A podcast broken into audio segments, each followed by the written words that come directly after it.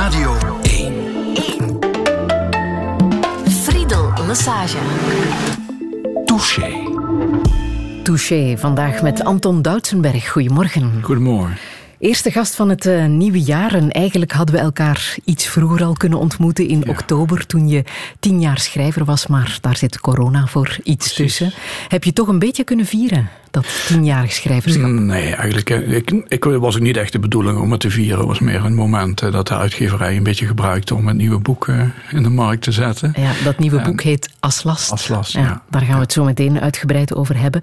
Maar misschien hebben ze het voor jou gedaan, hè, die viering van tien jaar schrijverschap. Want eind december ben je verkozen, of tenminste de titel van jouw debuut is verkozen tot beste boektitel aller tijden. Ja. Klinkt wel goed, hè? Ja, maar je moet het allemaal een beetje met een korreltje zout nemen. ik en, vond het wel leuk, dat, daar gaat het niet om. Het is een prettige prijs. Ja. ja en die titel uh, is Vogels met zwarte poten kun je niet vreten. Ja. Is Precies. dat zo? Uh, dat, uh, dat blijkt zo te zijn, ja. Dat je vogels met zwarte poten, dat die niet eetbaar zijn. Ja. Heb je dat getest? Nee, ik heb dat, ik heb dat op Vlieland gehoord in een kroeg. En toen, toen ik bezig was met het samenstellen van de bundel. En toen denk ik, dit is de titel. Ja.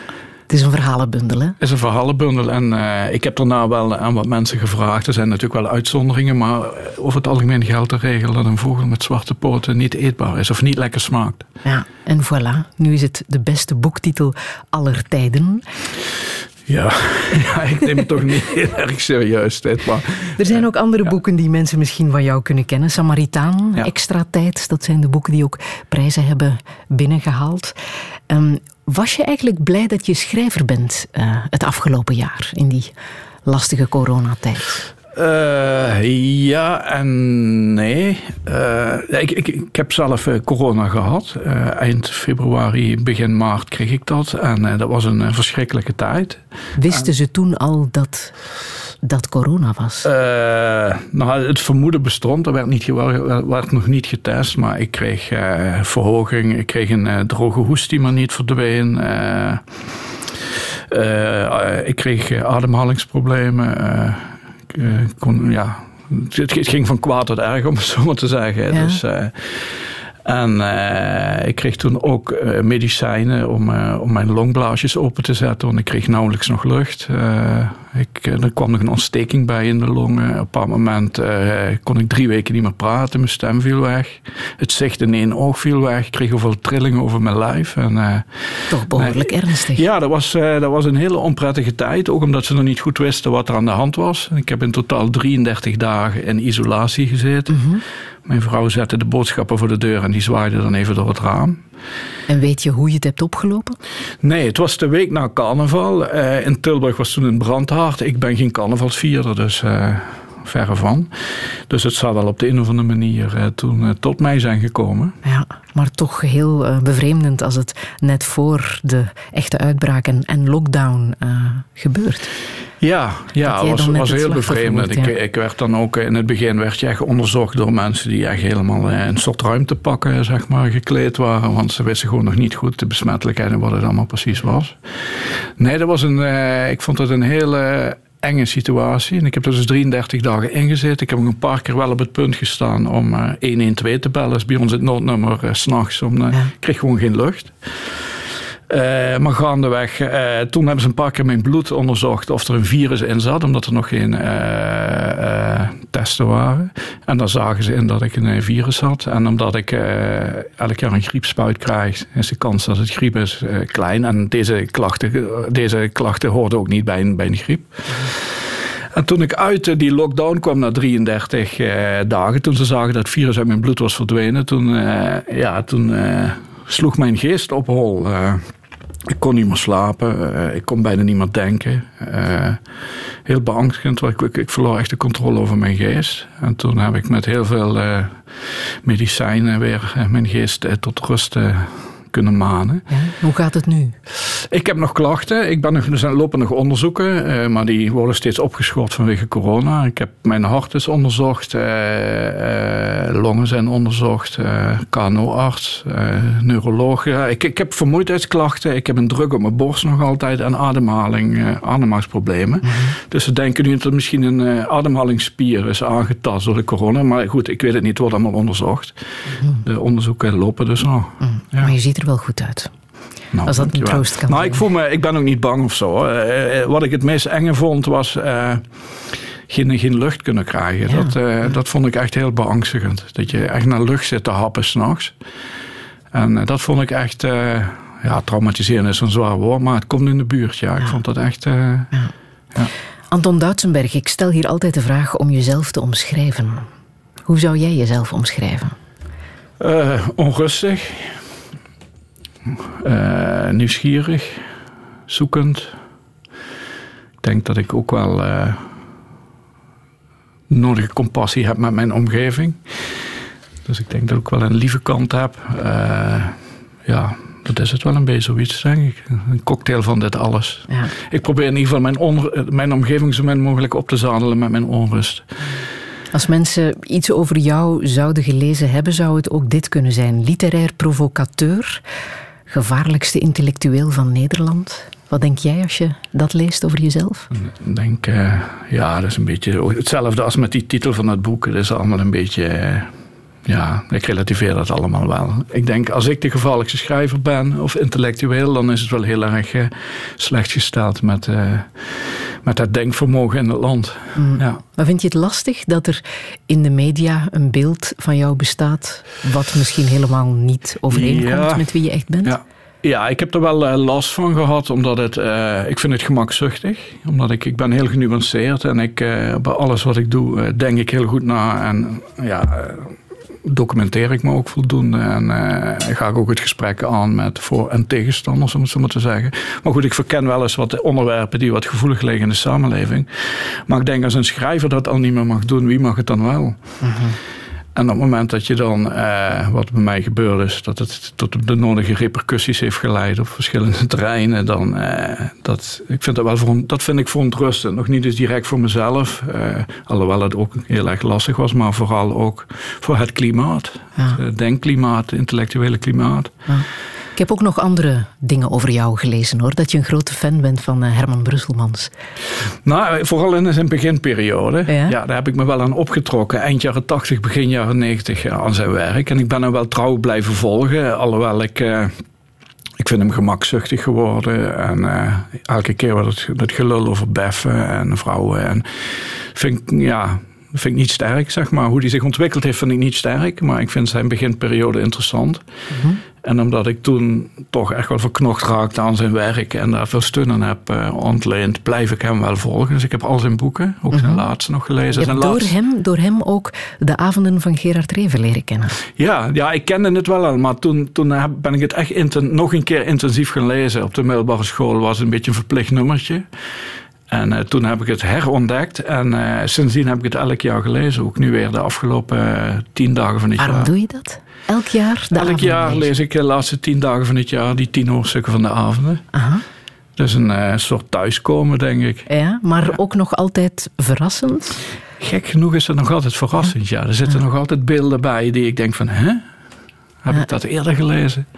Dus ja, ik vind het echt ik vind het ja, dat is een soort ritueel voor mij geworden. Het is ook een soort religie geworden in de Zeer mooi ritueel toch, om het jaar mee te eindigen. De ja, absoluut. Lezen. absoluut. En ik vind het altijd weer uh, onprettig dat het weer uit is. Op de 31. Je verlangt alweer naar het einde van het ik verlang, Ik ga er wel ik ga een weggetje naar verlangen, ja. Anton Duitsenberg, welkom in Touché. Ja. Radio 1. 1. Friedel Lassage. Touché.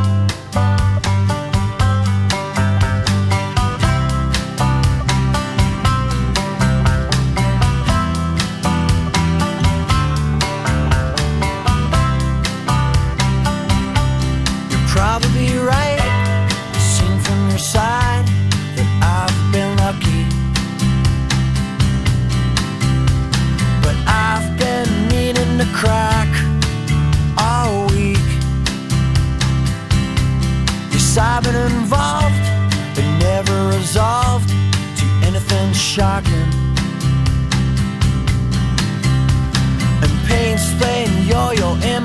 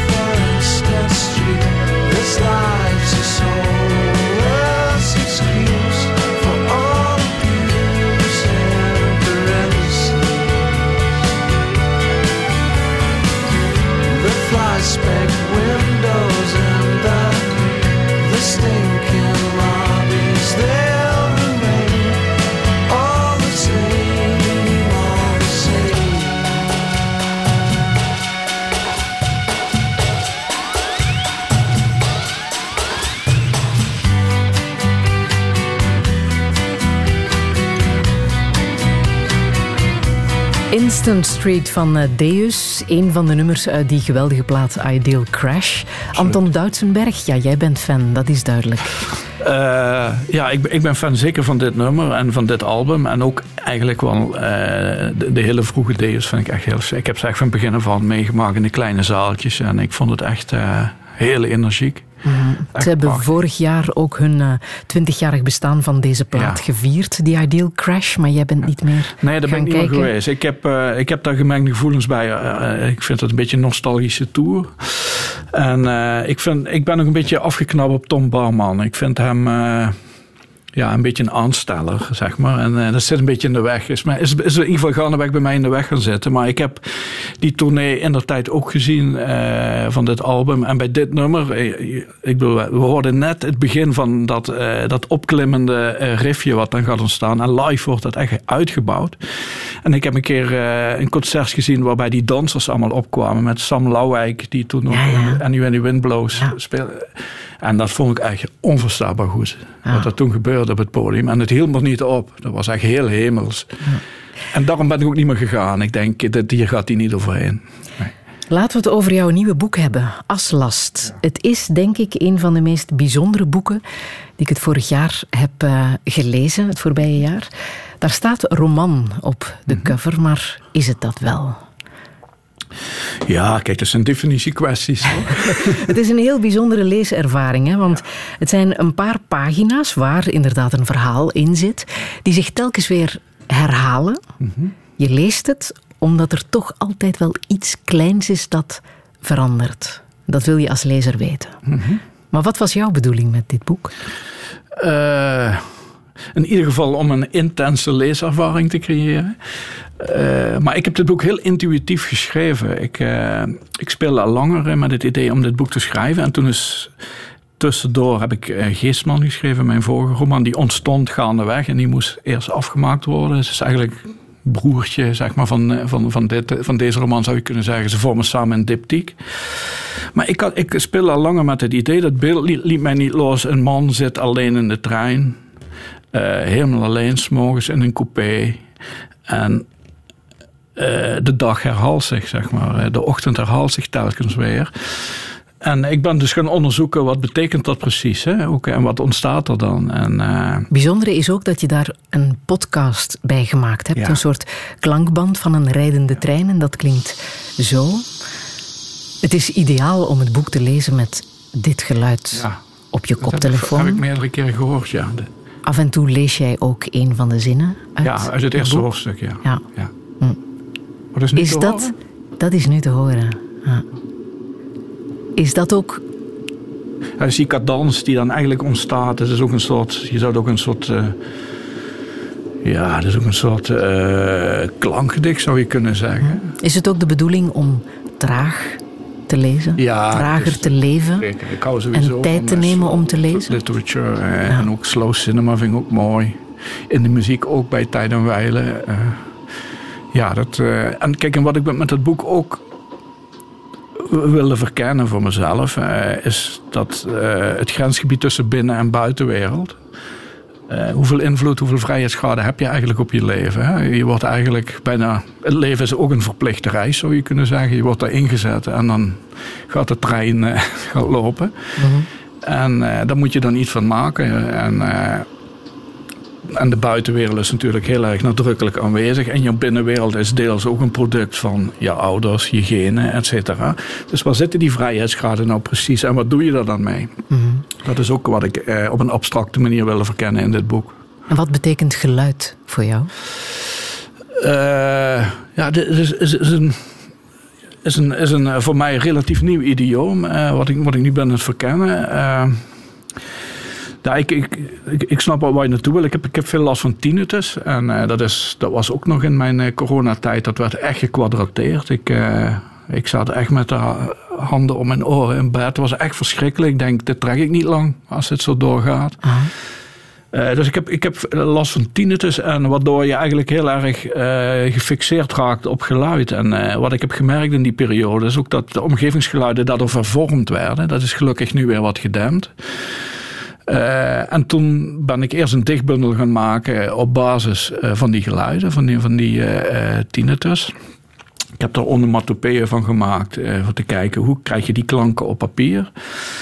En uh, ik wil eigenlijk mijn tinnitus, uh, die ik toch als iets heel onprettigs ervaar, als een vijand zou je kunnen zeggen, een positievere connotatie geven, omdat hij er de hele dag is. Mm -hmm. Dus ik denk van, uh, eens kijken of ik, of, ik, of ik er een vriend van kan maken, of in ieder geval iets aangenamers van kan maken. Mm. Dus ik ben met die klanken, ben ik eigenlijk gaan kijken of ik, of ik daar een soort vogelgeluiden en een, een, vlucht van vogels in kon ontdekken, om, om het gewoon wat aangenamer te maken. En, lukt dat? Uh, ik heb het idee dat dat wel lukt, ja. Bijvoorbeeld treingeluid. Als jij in een trein zit, is dat geluid extreem storend of net nee, ik vind het, verzachtend? Ik vind de, het reizen in de trein met afstand het aangenaamste vervoermiddel. Als mensen hun mond houden, hè, wat helaas steeds minder het geval is. Maar als het stil is in een trein, dat vind ik echt uh, ja, heerlijk. Ah, hoe heb je die tinnitus opgelopen? Uh, het zou kunnen door uh, muziek. Ik ben uh, heel veel naar concerten geweest, van jongs af aan naar metalconcerten. En toen was het zo, als je een piep in je oor had daarna, dat was een stoer teken van dat het echt hard was. Dus dat, dat bleef dan een paar dagen. En gehoorbescherming, daar werd niet over gesproken. En, uh, ik denk dat dat uh, een belangrijke oorzaak is. En ten tweede zou het ook kunnen zijn dat het een bijwerking is van uh, antidepressiva die ik vanaf mijn dertigste slikte. tinnitus is een veel voorkomende bijwerking bij mensen die Hm. medicijnen slikken die ingrijpen op het centrale zenuwstelsel. Ja. En als we het hebben over heavy metal, ik vraag de gasten altijd om hun eigen muziek mee te brengen. Je hebt een paar heavy metal platen meegebracht. Dit is er zo eentje. Het begint uh, heel feeriek, mooi zelfs. Ja. En dan barst het ineens uh, helemaal Energie. los. Dat is pure energie. Dat, dat heb je ook nodig. Ik heb het nummer uitgekozen, want dit is echt zo'n... Zo, zo hard gaat het, hè?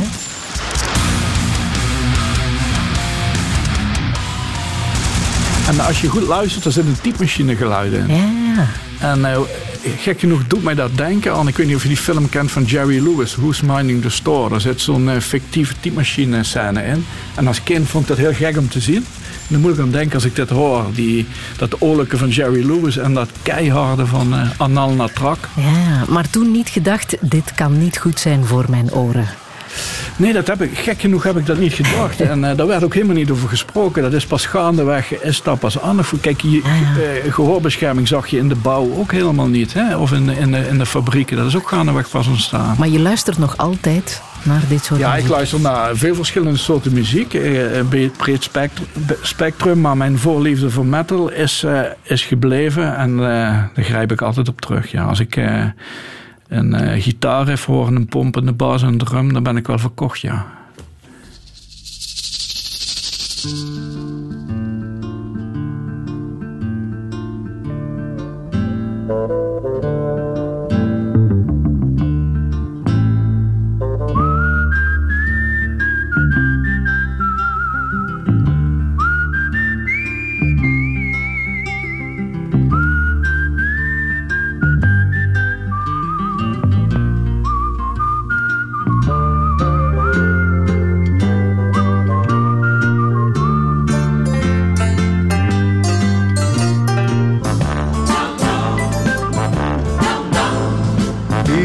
guy who's the talk of the town with the restless gun.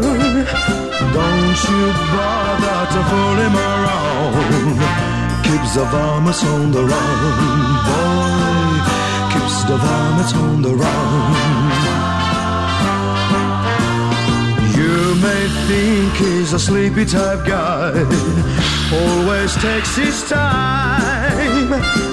Soon I know you'll be changing your mind when you've seen him use a gun. When you've seen him use a gun he's the top of the West. Always cool is the best. He keeps alive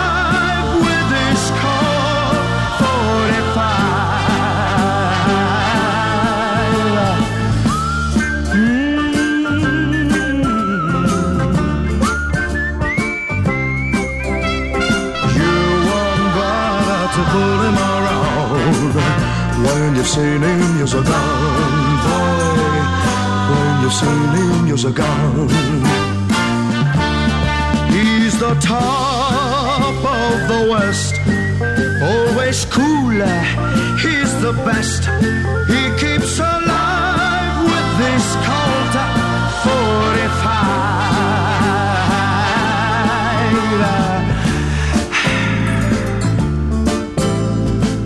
Who's the guy who's riding to town in the prairie sun? You won't bother to fool him around when you've seen him use a gun, boy. When you've seen him use his gun.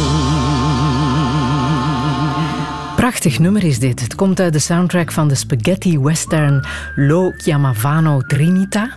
Een film uit 1970 van Enzo Barboni. Anton Doutsenberg, waarom wou je dit laten horen? Welke betekenis heeft deze muziek voor dit jou? Is, dit is een film uh, met Bud Spencer en Terence Hill. Uh, die in mijn uh, vroege jeugd heel populair waren. Ik ging er ook naartoe in de bioscoop. En uh, ik heb deze versie, de filmversie in het Duits op DVD thuis, omdat ze die ja, heel veel op de Duitse televisie draaien. En wij woonden vlak bij de grens. Gedupt. En in het Duits heet die, die linker en rechte hand des Teufels. Klinkt meteen spannender, hè? Ja. ja. En uh, dat is een film die, uh, die kijk ik heel vaak, want ik word hier vrolijk van. Uh, dat is een beetje een troostfilm. Hij, hij staat in mijn medicijnkastje, om het even anders te zeggen.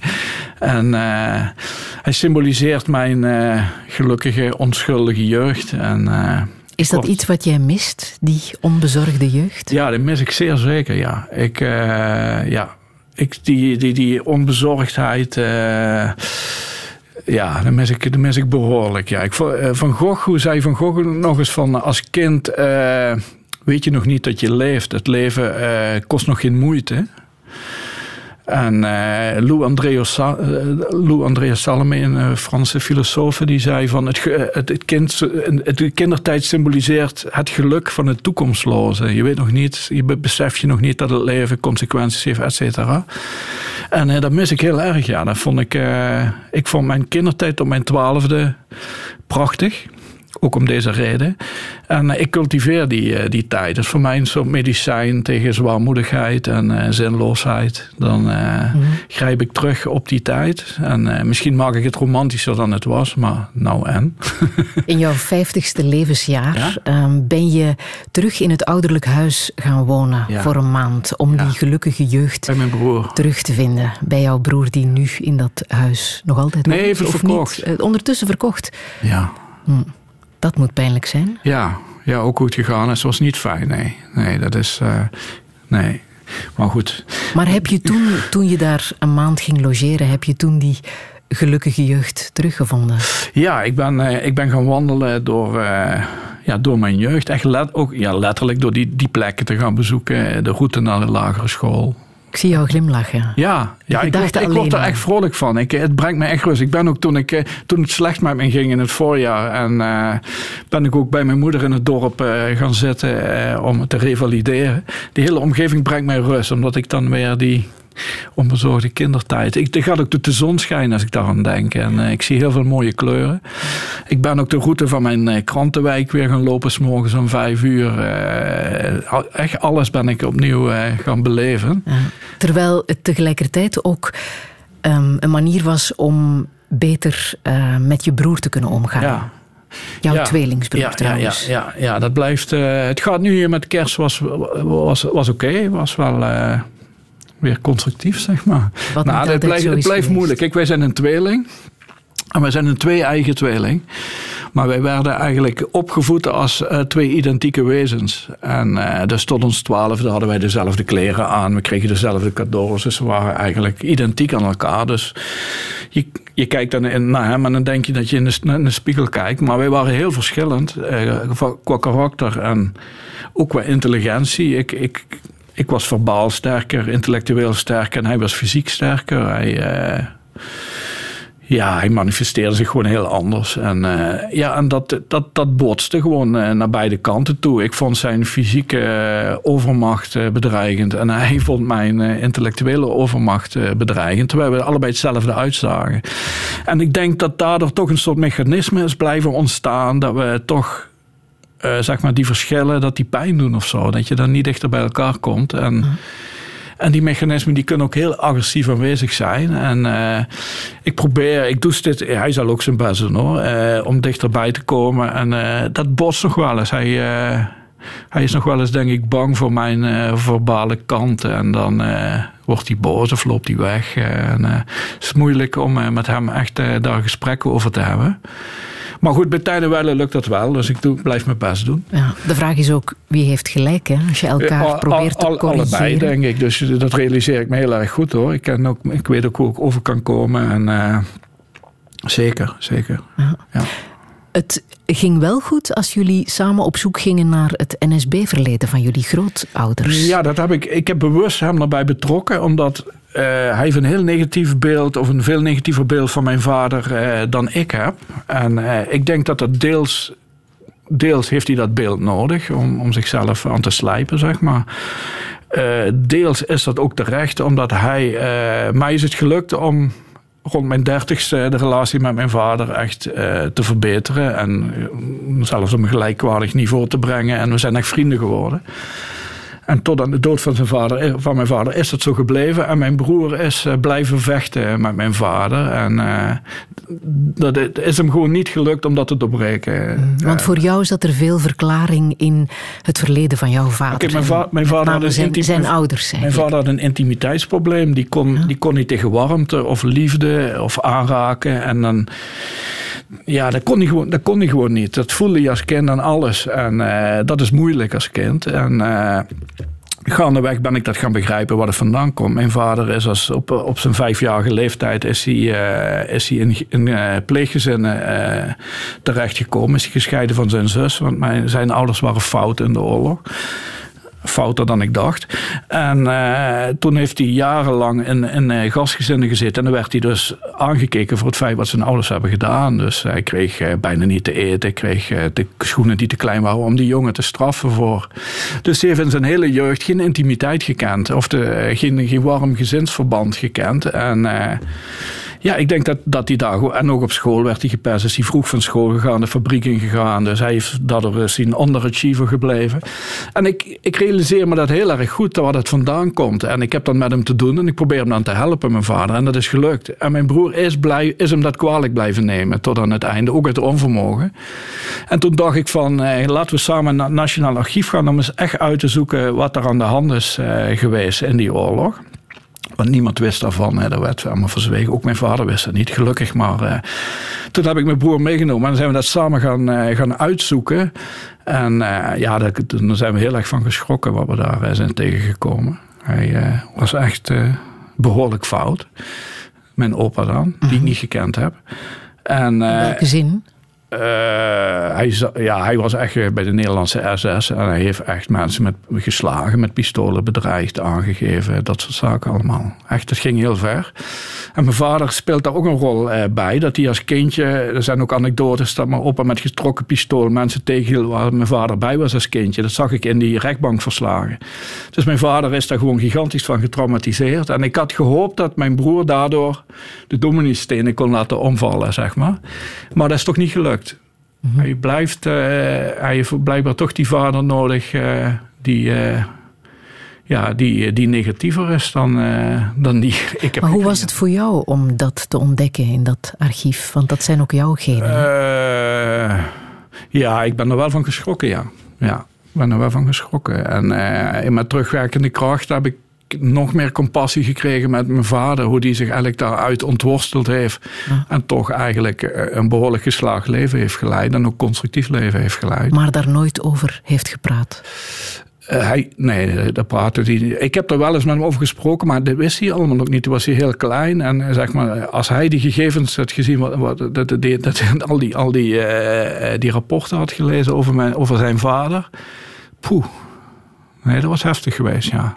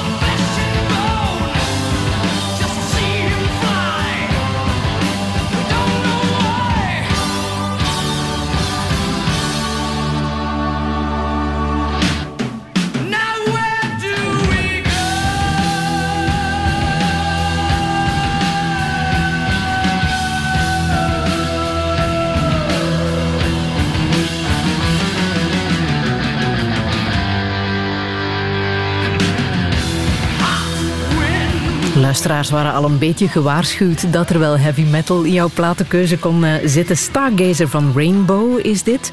Anton Duitsenberg, waarom dit nummer? Dit is, dit is uh, met afstand het beste hardrocknummer ooit. Echt waar? Ja, ik vind dit zo goed, dit nummer. Uh, van begin tot eind. Alle partijen zijn goed. En de zang is fenomenaal. Ronnie James Dio. Dit is echt ja, magisch. Ja. Um, Jij bent econoom van opleiding, hè? Ja. Later ook taal- en letterkunde gestudeerd. Ja, maar waarom economie? Tja, uh, het kan eigenlijk, eigenlijk heel logisch uh, achteraf gezien. Ik, uh, nou, als kind wilde ik graag boswachter worden of dierenarts. Ik was helemaal gek van natuur, et cetera. Ik had een dierenencyclopedie bij elkaar gespaard. En ik was eigenlijk allemaal met dieren bezig. Maar gaandeweg, ja, toen ging ik naar de middelbare school. En dan komt toch het, het, uh, serieuzere leven. Ik ging naar het eh, VWO. En ik kom uit een streek, een, de, de, oostelijke mijnstreek, waar heel veel, waar een hoge werkeloosheid was. En ik kom eigenlijk ook uit een arbeid. Mijn opa zat allebei in de mijn, mijn vader werkte in de fabriek. En dus die vonden het heel erg. Bij ons was het heel erg belangrijk dat je werk had. En uh, dat, was een, uh, dat hing toch als een doem, zeg maar, boven het leven begin jaren tachtig. Als je straks geen werk hebt, heb je een probleem. En toen op die middelbare school werd eigenlijk helemaal niet gestimuleerd wat je goed kon of wilde, maar werd eigenlijk heel erg gefixeerd op de, de banen die uitzicht boden op werk. Dat je niet in de bijstand terecht zou komen. En economie was echt zo'n booming studie van uh, als je dat af hebt, dan heb je altijd werk. En uh, dat is eigenlijk de reden dat ik uh, economie ben gaan studeren. En, en was dat zo? Had je ook meteen werk? Ja, dat, ik had wel meteen werk, maar ik heb, ja, zeker. Nee, ik had wel meteen werk, maar dat beviel natuurlijk totaal niet. Kijk, er zat ook een element in van sociale stijging, hè? sociale mobiliteit. Ik was de eerste in een familie of een hele kennissenkring die ging studeren. Dus dat had een hele status hè? en een universiteit. En uh, vond ik ook vervelend, want dan moet je, eigenlijk dan moet je net alsof je het voor iedereen goed moet maken. Weet je, dat je moet laten zien, dat zit dus in potentie zat dat ook in ons, zeg maar, dat, dat element. Maar goed, ik vond het verschrikkelijk. Ik, uh, ik, vond, tijdens, ik, heb, ik vond mijn studie uh, tijd prachtig. Vrijheid en uh, op stap gaan. En ik had veel discipline om, uh, om die studie gewoon te doorlopen. Ik kon, het goed, kon er goed mee omgaan. Maar toen ik moest gaan werken, ja, ik zag iedereen in de collegebanken veranderen. korte kapsels, blauwe pakken aan, stropdas. En allemaal over geld praten, over veel geld gaan verdienen en zo. En mij interesseerde dat totaal niet. Ik werd er zelfs een beetje bang van. Ik denk, oeh, ik kom nu in een wereld terecht die ik verschrikkelijk ga vinden. En uh, toen heb ik wel nog, uh, ik ben bij verschillende faculteiten gaan shoppen om zo breed mogelijk uh, pakket samen te stellen en veel vrijheid te houden om zeg maar toch mijn weg te gaan zoeken. En die heb ik dus, dus ook wel een aantal jaren gevonden, uh, maar het was gewoon niet mijn wereld. Ah, wanneer heb je dan beslist om te schrijven? Ik ben rond mijn dertigste uh, merkte ik van dat ik eigenlijk volledig opgebrand was doordat ik op het foute spoor zat. En uh, ik, had, ik heb ook altijd heel veel last gehad van angsten en onzekerheden en depressies. En ik vond gewoon zo'n zo kantoorsituatie. ik zat de hele dag gespannen achter mijn bureau en hele dag gewapend, zeg maar, om het te wapenen tegen alles en iedereen. Spannen was ik gewoon echt op. En ik denk, dit moet gewoon anders. En toen ben ik eh, naast mijn werk taal en letterkunde journalistiek gaan studeren. Eh, via op universiteit, zodat ik thuis, dat ik ook zo efficiënt mogelijk eh, zeg maar zo'n eh, nieuwe studie zou kunnen doorlopen. En toen ben ik, daardoor heb ik, die heb ik allebei afgerond. En toen ben ik, dan, daardoor ben ik echt in meer een communicatiewereld terechtgekomen met schrijven. En uh, inmiddels slecht ik toen ook medicijnen, waardoor die bedreigingen van die buitenwereld minder werden. Dat was een bijwerking. Waardoor ik eigenlijk toch wel uh, een vrij succesvol uh, op een moment leiding gaf aan 15 mensen bij een communicatieadviesbureau. En daarna ook eh, zelf eh, ben begonnen met een collega. En toen gaandeweg begon het schrijven mij ook. Ik, ik heb altijd veel gelezen vanaf mijn studietijd. Toen ben ik gaan schrijven. En uh, wat verhaaltjes voorzichtig. Dus ik ben een laadbloeier. Ik ben pas om mijn 41 gedeputeerd. En toen, ja, en dat, dat sloeg meteen in als een bom bijna, zeg maar, die bundel van mij. En, en toen ja, is er echt wel een spanning ontstaan tussen eh, zeg maar, mijn werk en, uh, en uh, de literaire wereld. Ook omdat ik die thema's ging verkennen die anderen lieten liggen in mijn ogen. Waardoor het ook uh, ja, met mijn bedrijf fout is afgelopen. Om maar even, even Ik pik er even één thema, één boek uit, Samaritaan. Wat een spraakmakend uh, boek is over de keuze om bij leven een nier uh, af te staan. Ja. Iets wat je ook werkelijk hebt ja. gedaan. Ja. Waarom heb je dat gedaan? Ik, eh, ik kan er niet heel goed antwoord op geven. Ik, ik, ik tas nog altijd een beetje in het duister. Dat heb ik ook in het boek verkend. Ik denk dat het voor een deel een reactie is op het overlijden van mijn vader. Uh, ik, ik heb dat van heel dichtbij meegemaakt. Ik, ben, uh, ik heb toen ontslag genomen, ook bij mijn uh, bij, bij het bureau waar ik werkte, om mijn vader mee te kunnen verzorgen dat hij thuis kon sterven. Mhm. Dus ik ben drie maanden heb ik daarbij gezeten. En ik voel, dat was een hele fijne tijd hoor, maar ik voelde een grote overmacht. Ik kon niks doen. Dus ik denk dat ik voor een deel ook zo'n nier, die nierdonatie voortkomt uit het feit dat je iemand, iets iemand kunt helpen. Dat is een, eh, een kant die zeker aanwezig is, eh, of in ieder geval een factor. Eh, er zit ook iets in van misschien wel mijn katholieke opvoeding die dan resoneert. Dat je mensen helpt, zeg maar. en het leven probeert zin te geven door iets te doen, iets constructiefs te doen. Ik vind het leven vanuit het abstract niveau gezien behoorlijk zinloos. Dus ik probeer er ook wat kleur aan te geven. En uh, ik denk dat dat ook een rol uh, speelt. -hmm. Uh, misschien zat er ook een stukje doodsverlangen in. Van ja, misschien lopen we wel slecht af. En dan uh, weet je, bij de martelaar, om het zo maar te zeggen. Ja. Ik, ik, denk niet dat dat een hele belangrijke rol heeft gespeeld. Maar ik probeer alles te verkennen, zeg maar, voor mezelf. Uh, ik denk dat dat, dat, van mijn vader, dat dat wel misschien wel de meest dominante reden is. Ja. Ja. Is dat moeilijk trouwens, een nier afstaan? nee, dat is niet zo moeilijk. Ja, dat is natuurlijk een traject hè, waar je ingaat. je mag niet zomaar een nier afstaan. Hè. Veel onderzoeken veel onderzoeken, psychologische onderzoeken van alles wat. Eh, dus uh, ik vond het een mooi avontuur. Ik uh, vond het echt leuk. En, ik hoor de voordelen, maar zijn er ook nadelen die je nu pas ontdekt? Nou, kijk, wat ik, een nadeel is, dat wist ik dus niet. op het moment dat... Ja, ik kreeg in één keer een oproep om een griepspuit te halen. Ik behoorde in één keer tot het, tot het, Ik had in één keer gezondheidsrisico's. En dat wist ik niet. Dat was me ook niet verteld. Maar er zijn er dus als je een ernstige griep krijgt, dan kan het zijn dat je nieren uh, beschadigd raken. En ik mag bepaalde medicijnen niet meer slikken, zoals ibuprofen, heftige pijnstillers, want die worden afgebroken door de nieren en niet door de lever. Dus dat betekent als je heel veel pijn hebt, dat je op zoek moet gaan naar alternatieven die misschien wat minder goed werken. Dat, dat vond ik, eh, dat wist ik dus niet van tevoren. corona krijgen helpt ook niet, denk ik, als je maar... Nee, daar, daar werd ik op een bepaald moment ook bang eh, een beetje. Omdat zij je van, uh, van nierfalen. ik denk, ja, dat ik zit je aan de dialyse. En op zich is dat ook nog wel te overzien eh, voor een bepaalde periode. Maar mhm. goed, heel veel onzekerheid in die periode zeker. Moet een schrijver geëngageerd zijn? Nee, zeker niet. Zeker niet. Het mag wel. Maar als jij het bent, dan ben je liever een geëngageerde schrijver. Ja, ik heb het eigenlijk allebei. Uh, ik, ik heb Aslas vind ik niet echt een geëngageerde roman. is misschien toch meer laag polar. Hè? Mhm. Uh, ik, nee, ik, ik, ben er, ik, heb, ik heb niet van die hele rigide opvattingen over het schrijverschap. Uh, ik heb wel gemerkt dan als je uh, geëngageerde acties onderneemt, dat er toch wel veel schrijvers kritiek op je hebben, want dat hoort niet. Hè? Dus vervuiling van het vak. Dat irriteert me wel, maar ik, ik ben ook niet een gebiedende wijs dat ik vind dat een schrijver dat moet doen. Ik denk dat iedereen die schrijft en creëert op een bepaalde manier toch eh, een soort engagement, engagement vertegenwoordigt en een dialoog aangaat met de lezer en met. Uh, Nee, ik vind dat geen plicht voor een schrijver, nee. Of een kunstenaar. Moet een schrijver de waarheid vertellen? Ja, als je weet wat de waarheid is, maar dat betwijfel ik. ik zou niet echt weten wat de waarheid precies is. Het is natuurlijk altijd allemaal ingekleurd en. Uh...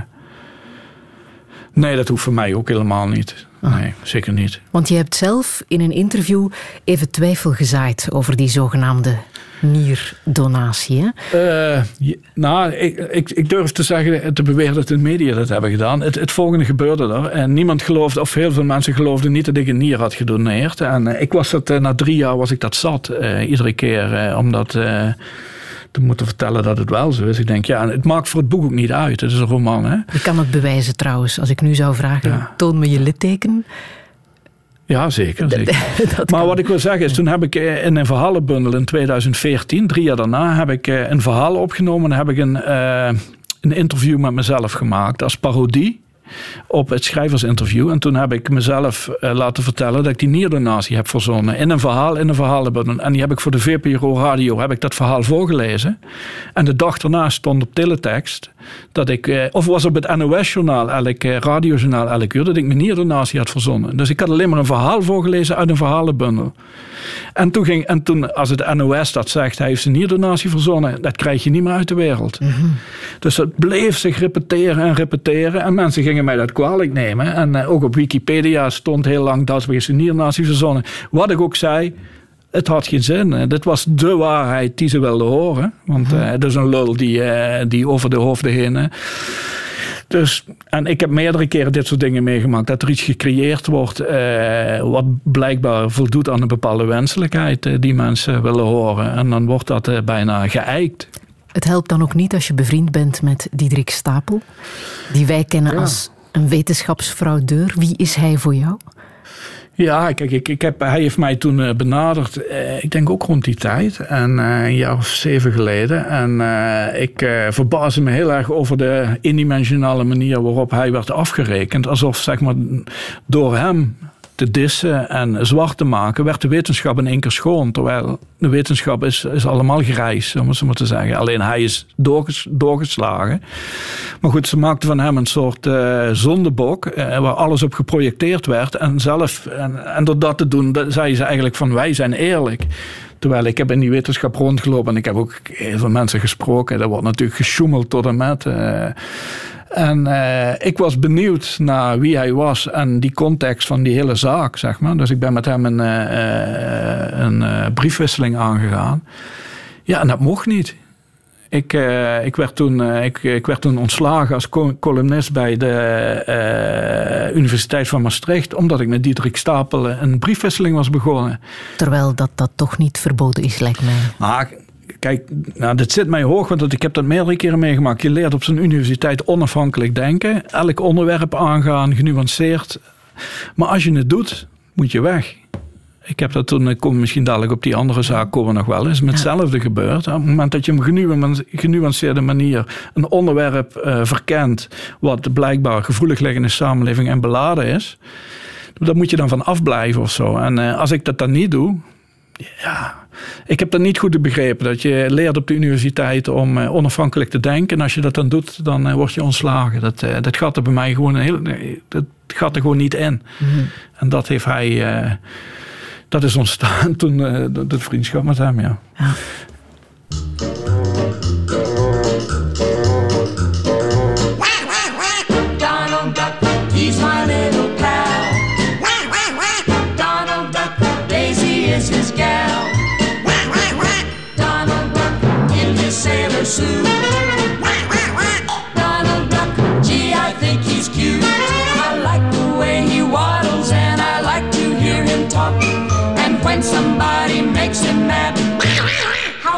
How squawk.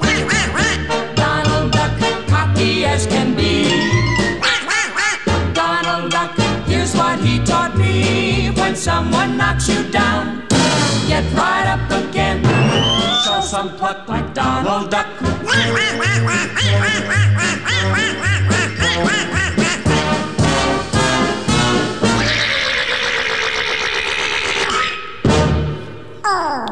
De vrolijke noot kwam van Donald Duck. Mooi, hè? Dat kende ik niet. Speciaal voor jou, Anton Duitsenberg. Ja. Misschien ken je het nummer niet, nee. maar je kent natuurlijk wel Donald Duck. Ja, nou. En beter dan wie ook. Ja, ja. Nou, dat weet ik niet, maar ik ben in ieder geval een hele grote fan van Donald Duck, ja. Ja, hoe is het zover kunnen komen? Ik denk dat het weer, dat, dat heeft ook weer te maken met, met die kindertijd. Ik vind daar in, in, in de Donald Duck zit een, uh, zit een sfeer, die, die onschuldige sfeer, die heel veel kleuren ook, vrolijkheid. Uh, die mij uh, ja, die mijn kindertijd terugbrengt op de ja. een of andere manier. Hij heeft ook een drieling, hè? Kwik, kwek en kwak. Kwik, kwek en kwak, ja. Heeft dat er ook Ja, nee, dat zijn zijn neefjes, hè? Of zijn neefjes, ja, ja, ja. ja. Oh. ik beken nee, een vrij, Het is een vrij seksloos gebeuren. Dat is ook behoorlijk conservatief, die hele wereld. Maar er zitten ook verschillende lagen in, hè, ook voor, voor volwassenen. Eh, over de is het onderschat? Ik vind het wel, ja, ik weet niet of het onderschatten, want het, het, het, het, wordt nog altijd heel veel gelezen. En, uh, het is het vrolijkste stripblad van ja, Nederland. Ja, het is echt prachtig, prachtig is het. het is, uh, alles is mooi. Ik vind het zo, ja, ik vind niet alles mooi. Ik vind Mickey, Mickey Mouse, uh, die kan ik niet hebben. Nee? Die sla ik over, dat vind ik een aansteller en, en die weet het altijd beter. En uh, die is te perfect of zo. Ja, ja. Die lees ik niet graag. Maar de rest uh, lees ik graag, ja. Lees je ook ernstige literatuur? Ja, dat is heel veel. Wie kunnen we vermelden als het daarover gaat? Nou, ik heb nu... Uh, ik zit een beetje weer in een Pessoa-fase. Mm. Er is weer een, een nieuw boek verschenen bij de Arbeiderspers. Waarin ze weer gegraaid hebben in die grote legendarische kist die overgeleverd is bij zijn dood. Waar ook het boek der rusteloosheid uit is ontstaan. En uh, toen, toen, toen ik dat boek las en zijn poëzie was ik echt totaal uh, van de kaart. Zo goed. En dat heb ik nu weer. Uh, ja, ik bedoel, de verrassing is, is er een beetje af. Maar toch weer, ik denk, man, man, man, wat is dit goed. Ja, gaat het over zijn werk of ook over de figuur? Nou, dus, dus zijn, uh, wat hij, hij, verkent dat binnenwereld, buitenwereld heel sterk. En hij is echt verdwaald geraakt in de binnenwereld. Ja. Hij heeft op een bepaald moment 88 heteroniemen heeft hij gecreëerd. Ja. Dat zijn dus afsplitsingen van zichzelf. Die hebben allemaal verschillende, de ene een groter en omvangrijker dan de ander, oeuvres gecreëerd. En die hebben ook ja, elkaars oeuvres bestudeerd en uh, bekritiseerd, essays geschreven over elkaar. Het is onvoorstelbaar wat die man gedaan heeft. Maar hij is, ik denk dat hij behoorlijk ongelukkig is geworden, want hij is echt verdwaald geraakt in die binnenwereld. En uh, die buitenwereld, daar, daar, had hij geen toegang meer toe. Maar ik ben wel echt, ik vind het zo goed. vind je het ook herkenbaar? Ik vind het herkenbaar en, en, en, en ik, ik, heb ook meteen, ik word ook meteen gewaarschuwd, pas op. Dat je die binnenwereld, uh, daar kun je in verdwalen, waardoor je je echt afkeert van de buitenwereld. En dat, uh, dat moet niet gebeuren. Ik heb nog muziek uit die cultfilm van Andrei Tarkovsky, Stalker. Okay. Daar gaat het ook over die verkenning tussen binnen- en buitenwereld. Maar kan je dat even uitleggen wat je daarmee bedoelt? Nou, als je, als je die film kijkt, daar, daar, zit, daar zit een raadsel in die film wat je, waar je niet de vinger op kunt uh, leggen. Ik bedoel, uh, je hebt die drie personages die reizen naar de zone. Je zou dat kunnen interpreteren als een reis naar de binnenwereld, naar de ziel van de mensheid. En, uh, en elke keer als ik die film kijk, interpreteer ik hem anders. En iedere keer blijft, blijft bij mij. Uh, ja, ik voel die tover van die film. Van, dat je mm -hmm. het niet kunt benoemen wat er precies gebeurt. en dat is iets dat, dat vind ik, ja, ik, ik word daar blij van als ik, dat, uh, als ik dat zie en ervaar. Is er ook te weinig aandacht voor die binnenwereld? Uh, ik, ja, ik denk wel dat de buitenste schil van het leven meer dan ooit gevierd wordt. Uh, mm -hmm. Kijk naar de tv-programma's, ja, kijk naar Twitter, et cetera. Ik denk wel dat er te veel nadruk ligt op de buitenste schil. Dat is natuurlijk ook makkelijk scoren, hè? laaghangend fruit voor te plukken. En echte verdieping uh, is wel. Ja, maar goed, het is misschien een generatieding, ik weet het niet. Maar ik vind wel dat dat achteruit gaat, ja, dat dat erodeert. Ja. Is het ook een gemis dat we zo weinig aandacht nou, kijk, hebben ik, voor... ik weet het niet. Ik heb geen kinderen, dus uh, ik, ik, heb gelukkig niet dat ik die ergernis van het onderwijs aan mijn lijve zal ondervinden. En, uh, maar ik vind mijn weg gewoon, weet je. Ik, ik, dus, ik heb zoveel boeken en ik blijf me verwonderen en prachtige dingen lezen. Dus ik ga het me wel. Ja. En, en films kijken, hè, want je bent ook een heel grote filmfanaat. Hè? Ja, ik zie veel films, ja. Met een heel groot uh, tv-scherm. Ja, zeker. Een kleine privé, thuisbioscoop. Een privébioscoop. Ik, ja? heb nu, ik, woon nu, uh, ik ben bij mijn vrouw ingetrokken sinds een paar maanden. Misschien gaan we het dadelijk nog wel over hebben. Maar? We hebben nu een privébioscoop samen. Aha. Ja. ja. Want je noemde ook nog een andere film ja. um, met een Poolse titel. Oh ja, Mother niet... Joan of the Angels. Dat ja. gaat over een, een klooster in de, in de middeleeuwen. En film uit de jaren 60. Uit de jaren 60 van een Pool. Heel bevreemdende film, toch? Heb je hem gezien? Ik heb een fragment gezien. Ja, ja het is een bevreemdende film, maar ook uh, ja, het is een expression, vrij expressionistische film. Het gaat over een nonnenklooster dat, uh, zeg maar, uh, wa, wa, dat bezeten schijnt te zijn door de duivel. En moeder Overs is dan de bron. Maar eigenlijk gaat die film over het celibaat, over de liefde niet kunnen uiten, lusten niet kunnen uiten. Dus uh, die nonnen waren eigenlijk geil, om het maar even heel plat te zeggen. En die konden daar geen uitweg aan geven. En al die uh, duiveluitdrijvers die kwamen, die werden betoverd door de charmes van moeder Overste. En die, daar eindigde het heel slecht mee. En dat spanningsveld, zeg maar dat wordt in die film op een impliciete manier verkend. Wordt niet heel expliciet gemaakt. Ook weer net als bij Stalker, dat raadsel blijft intact. Dit is ook een interpretatie van mij. Uh. En uh, ja, wat een film. Uh, het heeft niks te maken met een zoektocht naar spiritualiteit? misschien wel, misschien wel. Misschien ook wel. Misschien ook wel. Maar spiritualiteit, het klinkt dan ik, ik, ik, merk wel dat de metafysische leegte uh, meer en meer pijn begint te doen naarmate ik ouder word. Uh, dat heb ik wel. Misschien heeft het daar wel wat mee te maken. Ik ben wel op zoek naar. Ik zou wel willen verdwijnen in een groter geheel of zo. Uh, en, maar ik heb het nog niet gevonden. Anton Doutsenberg, wij praten zo meteen verder.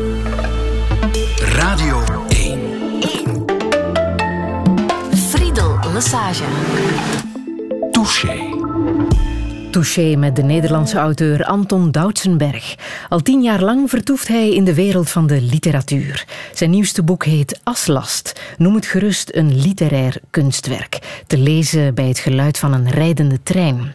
Geluid is dan ook zijn nieuwste fascinatie. Al sinds zijn puberteit heeft Doutsenberg last van tinnitus, opgelopen door te veel naar heavy metal te luisteren. Prikkels zijn sowieso een last in zijn leven. Iets wat hij door het geïsoleerde leven als schrijver onder controle probeert te krijgen. Maar de remmen moeten ook af en toe los.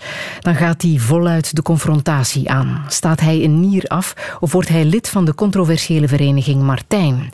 Maar hoe moet het verder? Heeft hij spijt van de risico's die hij in zijn leven heeft gelopen? Hoe belangrijk is geld voor hem? En komt het ooit nog goed tussen hem en zijn tweelingsbroer? Dit is Touché met Anton Doutsenberg. Een goede middag.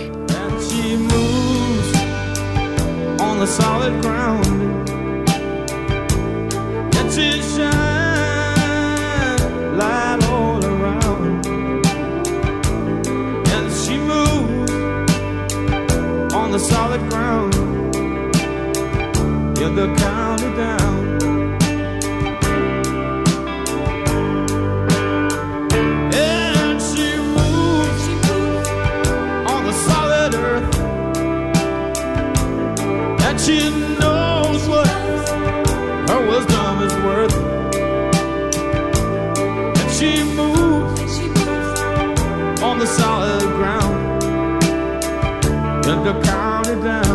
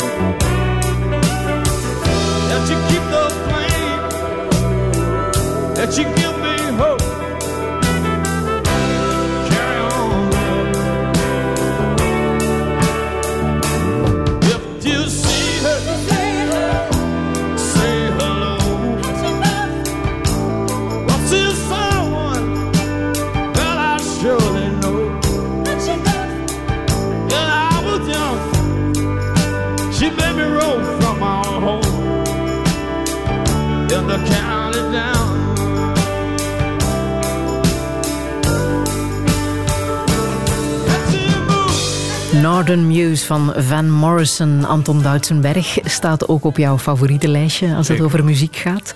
Waarom precies? Het is een, eh, een van de meest bijzondere eh, concertervaringen die ik als eh, tiener heb meegemaakt. Mijn eerste concert was in 1982, begin 1982 in Genk, in de Limburghal Ian Gillen. En mijn tweede concert was Van Morrison in Kerkrade. bij ons thuis uh, waren ze niet echt met muziek bezig, maar bij mijn moeder op kantoor zat een jongere collega. En daar hadden we contact mee.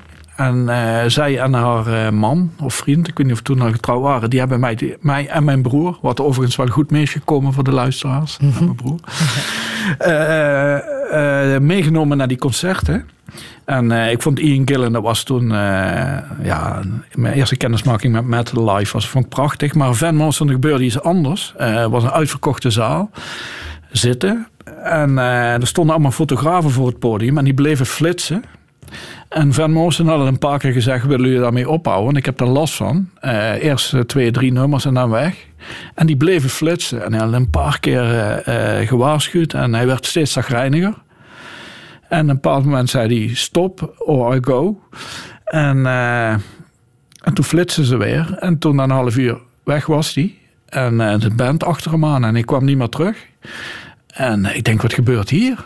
voor 3000 man gewoon weggaan. Hè? En uh, dat vond ik echt een statement wat heel veel indruk op mij maakte. Niet behagzuchtig, maar gewoon doen wat je wil, zeg maar. En het is me altijd bijgebleven. En uh, het, is een, het is een vervelende man volgens mij. En is, er, is ook wel snel op zijn teentjes getrapt. Maar natuurlijk wel een eh, indrukwekkend oeuvre inmiddels van, van bijna 60 jaar. Ja heeft dit jaar ook een uh, nummer geschreven, hè? Stand and Deliver. Gezongen door Eric Clapton voor alle muzikanten die het afgelopen jaar geen live concerten konden geven. En daar financieel natuurlijk zwaar onder geleden hebben. Oké, oh, dat wist ik niet. Ja. Maar in ieder geval, het heeft op mij heel veel indruk gemaakt. Eh, zeg maar, niet behagzuchtig zijn. Mm -hmm. En uh, dat vond ik wel inspirerend. Dat is me altijd bijgebleven, dat moment. Zou jij het doen? Ja, denk het wel, ja. Het podium afstappen? Ik ben ook niet zo behagzuchtig. Ik, nee, ik zou dat ook wel doen, denk ik, ja. Wat betekent geld voor jou? Uh, overleven, uh, huur betalen, eten betalen. Uh, maar niet meer dan dat. Overleven? Ja, ik wil te zeggen, je hebt het nodig om te leven. Om te kunnen dat. Ik ben nooit geïnteresseerd geweest in geld. Ik kom ook uit een gezin waar het geen item was. Ik we, hadden, we hadden het niet breed, maar ja, mijn ouders konden heel makkelijk iets weggeven aan anderen, zeg maar. Hadden ze allebei. Dus uh, het bezit was niet zo belangrijk. En dat heb ik eigenlijk ook altijd gehad. Dat, dat stoorde me ook in de economiestudie, die winstmaximalisaties. En uh, ik vond het gewoon heel onprettig uh, om met geld bezig te zijn. Dus, ik vraag het ook omdat jij de geestelijke vader bent van het tijdschrift Quiet 500. Ah, voor de uh, armoede, ja, ja. ja. Ah, een mooi bruggetje. wat een heel bijzonder project is, toch, hè? Ja, dat is. dat is ik, heb, ik had toen het idee. ja, ik kan met het idee van ja, de, die polarisatie, arm-rijk en uh, links-rechts. Ik bedoel, er zit heel veel polarisatie uh, in het land, in de mens. Dan moeten we ook weten dat er een blad bestaat dat de Quote, 500, 500 heet. En, wat gaat over de rijkste. Ja, precies. En dan wordt eigenlijk de rijkdom wordt gevierd. En uh, dat is een heel succesvol blad in Nederland. Dat is echt, elk jaar komt dat uit. En ja, die mensen die erin staan, die worden echt gevierd als helden. En uh, wat ik eigenlijk wilde was een tegenhanger creëren. Maar ik wilde ook die mensen in de quote uitdagen om die andere kant te adopteren. Voor zover ze dat al niet deden, al dan niet publiekelijk. Je hebt dus ook een gratis exemplaar opgestuurd. Ja, ik heb, we hebben dus dat blad gemaakt, de Quiet 500, ook glossy op dezelfde manier. Uh, heb ik met 30 vrijwilligers gemaakt. En dat blad hebben we naar al die 500 mensen in de quote gestuurd. Maar ik heb er een brief bij... Uh, opgesteld en meegestuurd waarin ik heb aangegeven: het gaat ons niet om uh, jullie zijn rijk en wij zijn arm en dat is niet eerlijk, maar jullie zijn rijk en succesvol, dus blijkbaar beschikken jullie over bepaalde capaciteiten uh, waardoor je zeg maar zo succesvol bent. En we vragen jullie niet om geld, maar zet die capaciteiten nu eens in om die onderkant van de samenleving te helpen. En uh, daar hebben een aantal miljonairs op gehapt, zeg maar. Dan ben ik mee in gesprek geraakt, ook met andere mensen. En daaruit is een quiet community ontstaan. Die, ja, die is bedacht door twee miljonairs. En die hebben dat ook gefinancierd, maar wel op een constructieve manier hun geld ingezet. En er is een, eh, een, quiet, een quiet community ontstaan eerst in Tilburg. En inmiddels bij in tien verschillende gemeenten actief mhm. in, eh, in het land. En we hebben toen een tweede quiet heb ik nog gemaakt in 2016 om zeg maar eh, een soort vliegwieleffect te creëren om dat nog meer onder de aandacht te brengen. En daardoor is, zijn die communities eigenlijk blijven groeien. Ja, want het gaat niet alleen over financiële armoede, maar ook om emotionele armoede. Ja, vooral dat. En vooral kinderen. We hebben ook bij de tweede quiet hebben we ook een kinderquiet gemaakt. Om te laten zien dat die kinderen echt op, echt op grote afstand komen te staan. Eh, op het moment dat hun ouders, zeg maar. Eh, en met die emotionele armoede bedoel je het gebrek aan begrip voor situaties begrip aan gebrek, als deze? Ja, en dat was ook, kijk, op het moment dat je de rijkdom viert, betekent dat eigenlijk dat je de armoede, uh, zeg maar, ja dat een hele negatieve connotatie geeft. Bijna alsof ze er iets aan kunnen doen, zeg maar. Dat is natuurlijk in heel veel gevallen absoluut niet het geval. Mhm. Ja.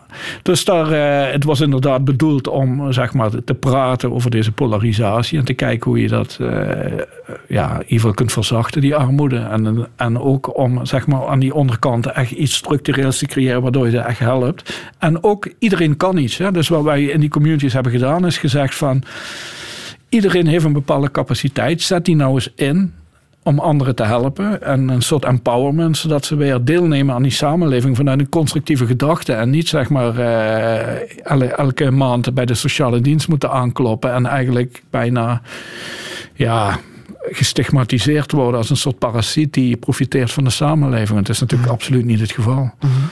Hoeveel verdien jij per maand? Uh, ik denk, uh, als ik de afgelopen jaren gemiddeld, denk ik dat ik geleefd heb van 1500 euro per maand. Was dat voldoende? Was voldoende. Was voldoende. Het was geen vetpot, maar uh, ja, ik, ik woon nu bij mijn vrouw sinds een klein half jaar. En nu delen wij de lasten. En dat, ja, dat geeft wel wat meer lucht. Ja. ja. ja. Maar je had allicht veel meer kunnen verdienen. Ja. Als je niet vier keer was ontslagen. Ja, maar ik, eh, ik, ben, eh, ik, ben, ja, maar ik ben tevreden. Ja, niet over die ontslagen, daar wil ik best iets over zeggen. Maar eh, ik, mhm. ik ben wel, ik ben wel tevreden. Als ik, dan zeg, ja, ik ja, ben tevreden. Ik kan, ik Wat wil je zeggen over die ontslagen? Ja, we hebben toen, toen straks al even heel kort over gehad. Ik, mhm. toen ja, we kunnen het onderwerp gewoon bespreken, toch? Hier, ja. Uh, ja. Ik ben in 2011 uh, eh, heb ik uh, me aangemeld als lid van pedofiele vereniging Martijn. Was, die partij dreigde verboden te worden. Niet vanwege strafbare feiten, maar vanwege civielrechtelijke procedures. er waren geen strafbare feiten aangetoond, maar het lag gevoelig in de samenleving. Dus op civielrechtelijke gronden willen ze die partij verbieden. En er werd heel erg eenzijdig negatief over gesproken. Bijna alsof het, alsof het uh, ongedierte was dat vernietigd moest worden. En uh, ik ben toen lid geworden van die partij om uh, de dialoog aan te gaan met die mensen. Te kijken van wie zitten er in die partij. Hoe, hoe ja, waar, waar, worstelen ze mee om het zo maar te zeggen. En dat heb ik gedaan. Ik ben lid geworden. Ik ben naar die vergaderingen gegaan. Ik ben dialoog met ze aangegaan. En uh, ook om te laten zien dat het geen ongedierte is. En dat je een dialoog aan moet gaan, ook bij moeilijke onderwerpen. Dat je niet weg moet kijken, omdat dat vaak van, kwaad tot erger zou kunnen worden. Wat, wat in dit geval niet aan de orde is. Uh, en waarom ik ook lid ben geworden uh, van Martijn is omdat pedofielen vaak worden gekoppeld aan kindermisbruik. Terwijl pedofilie een geaardheid is. Ik heb het niet over pedoseksualiteit, maar over pedofilie. Het is een geaardheid. In Nederland zijn ongeveer 150.000 mensen die pedofiele geaardheid hebben. En die houden zich aan de wet. Wat ik ook uh, van harte aanbeveel, om zo te zeggen. Ik ben, niet tegen, ik ben geen voorstander van het uh, uitoefenen van pedoseksuele handelingen. absoluut niet. en wat je kreeg in Nederland was doordat alle aandacht ging naar die vereniging. Van als we maar die vereniging verbieden, dan verdwijnt eh, pedofilie. Weet je wel, dat is een symbool dat we gaan vernietigen. Maar er is iets veel, was iets veel ergers aan de hand. 80% van het kindermisbruik vindt eh, niet plaats op pedofielen, maar in gezinnen. Door broers, vaders, ooms, bekenden van hun familie. En dat zijn vaak gelegenheidspedoseksuelen die met hele andere problemen kampen. En... Eh, En daar, sluiten we de ogen voor. Dus doordat je een symbool uh, zeg maar, probeert te verbieden, zeg maar, is het net alsof je, uh, alsof je daarmee het kwaad uit de samenleving bandt. Wat natuurlijk helemaal niet het geval is. Je moet die dialoog blijven aangaan. Mijn vrouw werkt in de jeugdzorg, dus die kent die andere kant van het verhaal. En kinderen die in gezinnen misbruikt en mishandeld worden, die komen voor vraagstukken te staan. Weet je, op het moment dat die uit de school klappen, ontploft zo'n familie. Weet je. Dat kan zo'n kind helemaal niet aan, die vraagstukken. Dat is gigantisch wat er gebeurt in gezinnen. Hè? Waar, eh, en dat, ik vind het belangrijk dat daar veel meer aandacht voor komt. En dat we niet genoegen nemen met het creëren van een symbool. En dat symbool vernietigen en zeggen: Zo, nu is het probleem opgelost. Nee, het probleem is niet opgelost. Je hebt het probleem verergerd. Dus ik ben ook met die mensen gaan praten van, van pedofiele vereniging Martijn die dus niet om strafbare reden werden vervolgd, maar civielrechtelijk. Hè? Dus om een gedachtegoed. Ik vind dat je mensen die ten eerste niks aan kunnen doen, dat ze die geaardheid hebben, hun dromen, fantasieën en verlangens niet mag afnemen of strafbaar stellen, want ze hebben niks anders. Mhm. Ik, ik, heb ook met ze gesproken. Ik zeg, uh, jullie zijn ontstaan in de jaren tachtig, was een hele andere tijd. En uh, pedofilie, ik wilde dat je de VVD wilde de leeftijdsgrens naar beneden brengen naar 12 jaar. Weet je. Dat kwam van de VVD uit in Nederland, niet van Martijn. Hè. Die, die hebben dus contact gezocht met de vereniging om mee te denken. Maar in ieder geval, in die tijd waren ze liberaler naar die gedachten. En tijden veranderen en uh, inzichten veranderen. De status van kinderen is heel erg veranderd. En dat begrijpen ze ook. Maar ga alsjeblieft die dialoog aan met ze. Dus ik ben naar die vergaderingen gegaan. Ik heb ook Kamerleden uitgenodigd om aan te schuiven. Ik heb hulporganisaties uitgenodigd om aan te schuiven. Niemand durfde. Ik kreeg dan wel adhesiebetuigingen van... goed dat je dit doet, maar wij durven dit niet. Want je wordt echt je wordt standrechtelijk geëxecuteerd. Gewoon al het feit dat jij probeert sympathie te hebben of je te verdiepen in de problematiek van die mensen. Hè? Mhm. En ja, het is ook verschrikkelijk als je, daar, eh, als je die geaardheid hebt. Eh. Maar jij hebt er ook een dure prijs voor betaald, hè, door dat lidmaatschap. Met ja, ja. Eh, ja, die vereniging. Ik heb, ja, de doodsbedreigingen, dat, ik moet zeggen, dat was toen nog niet zo heel erg hip. En dat vond ik heel onprettig was heel onprettig. Er zijn heel veel eh, dingen ook afgezegd van mij. Boekhandels die mijn boeken niet meer wilden verkopen. Ik, werd, uh, ik had toen nog mijn eigen bedrijf. Ik, werd, uh, ik werkte ook voor de Financial Times in Londen. Ik werd per direct ontslagen. Ik uh, was bezig met een groot project, pensioenproject voor de Universiteit van Tilburg. werd direct ontslagen. Ik ben daarna nog een keer, werd twee, drie jaar later, als docent aan de slag gegaan bij Fontes. Met jongeren van 20 tot 22 mhm. jaar dus hele sollicitatietraject doorlopen. En uh, ben ik daar aan de slag. En na twee weken werd ik op staande voet ontslagen. Omdat de raad van bestuur, het college van bestuur erachter kwam dat ik daar werkte. Was aangenomen, per direct ontslagen. Heb je ooit een uitleg gekregen waarom precies? Nee, uh, ja, ze zei, ik niet, want ik, uh, ik mocht met niemand praten. De directeur die mij had aangenomen heeft een contract moeten ondertekenen dat hij geen contact met mij zocht. Ik kwam een collega tegen die de andere kant op liep. Ik zeg, hallo, uh, wat is er aan de hand? Ja, ik mag niet met jou praten. Uh, ja, is echt, echt bizar wat er toen gebeurde. Maar ze hebben wel in de media hebben ze gezegd. Uh, we kunnen Dousenberg niet met onze kinderen uh, laten werken. Terwijl ik, ik, weet je, ik werkte met vierdejaars HBO-studenten van 22 jaar. Weet je, en die worden dan als kinderen weggezet. Het zijn volwassenen die les kregen op ja, de opleiding heette Creative Industries. Dus ik was aangenomen door die directeur. Die zei van, wij, willen, wij merken dat wij als opleiding te populair bezig zijn. En wij staan met de rug naar de samenleving. Wij willen onze studenten wat meer laten verdiepen in moeilijkere onderwerpen. Helpen ons om het curriculum te verbeteren. Dus ik ben daar begonnen. En na twee weken werd ik ontslagen. En dan zeggen ze, we mogen onze kinderen niet met weg laten werken. Ik denk, ja, Heb jij spijt van dat lidmaatschap? Nee, nee. Je zou het opnieuw doen? Ja, kijk, dat, dat weet je, dat, eh, met deze kennis van nu, dat weet je niet. Of misschien anders, eh, dat weet ik niet. Ik heb er geen spijt van. Ik sta er nog altijd volledig achter. Ik, ik, ik, ik, ik begrijp nog altijd niet zo goed waarom je zo'n onderwerp, wat zo belangrijk is, als je kinderen serieus neemt, moet je dit onderwerp ook serieus nemen. Mhm. Hoe zou de maatschappij er dan moeten mee omgaan, volgens jou? Dialoog dialoog. En het zijn mensen, weet je wel. Eh, en, echt kijken, waar zit, waar zit nu het probleem? Het probleem zit in gezinnen, weet je wel. Uh, en, maar het gezin is bijna een heilige constellatie in onze samenleving.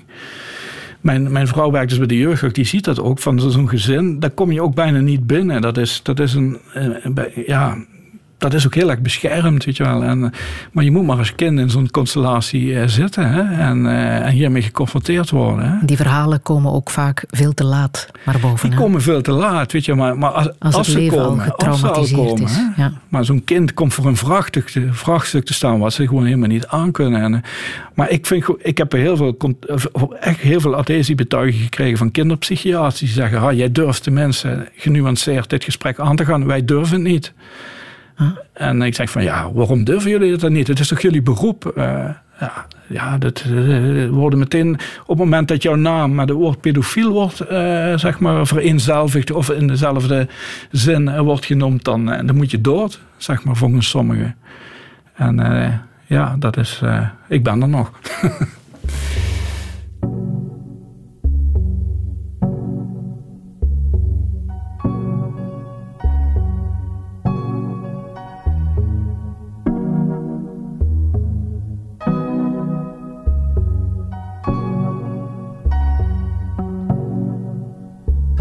say love.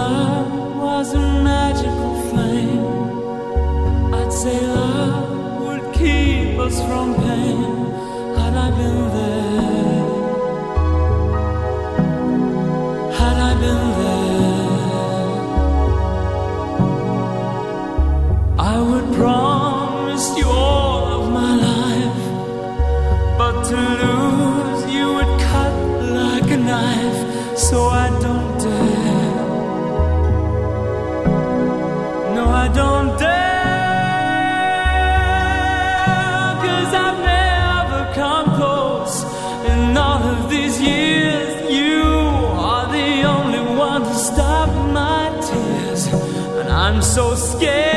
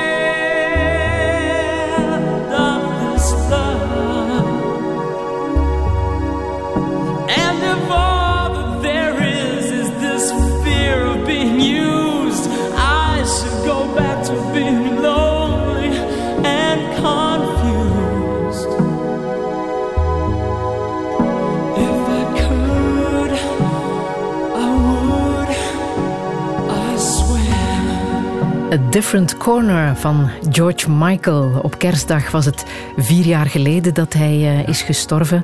Dit nummer gaat over zijn grote liefde. Welke betekenis heeft het voor jou? Ja, mijn eerste grote liefde, daarom heb ik het gekozen. Dit is, uh, mijn eerste grote liefde was echt een hele grote liefde. Hij heeft even iets van twee, drie jaar stand gehouden.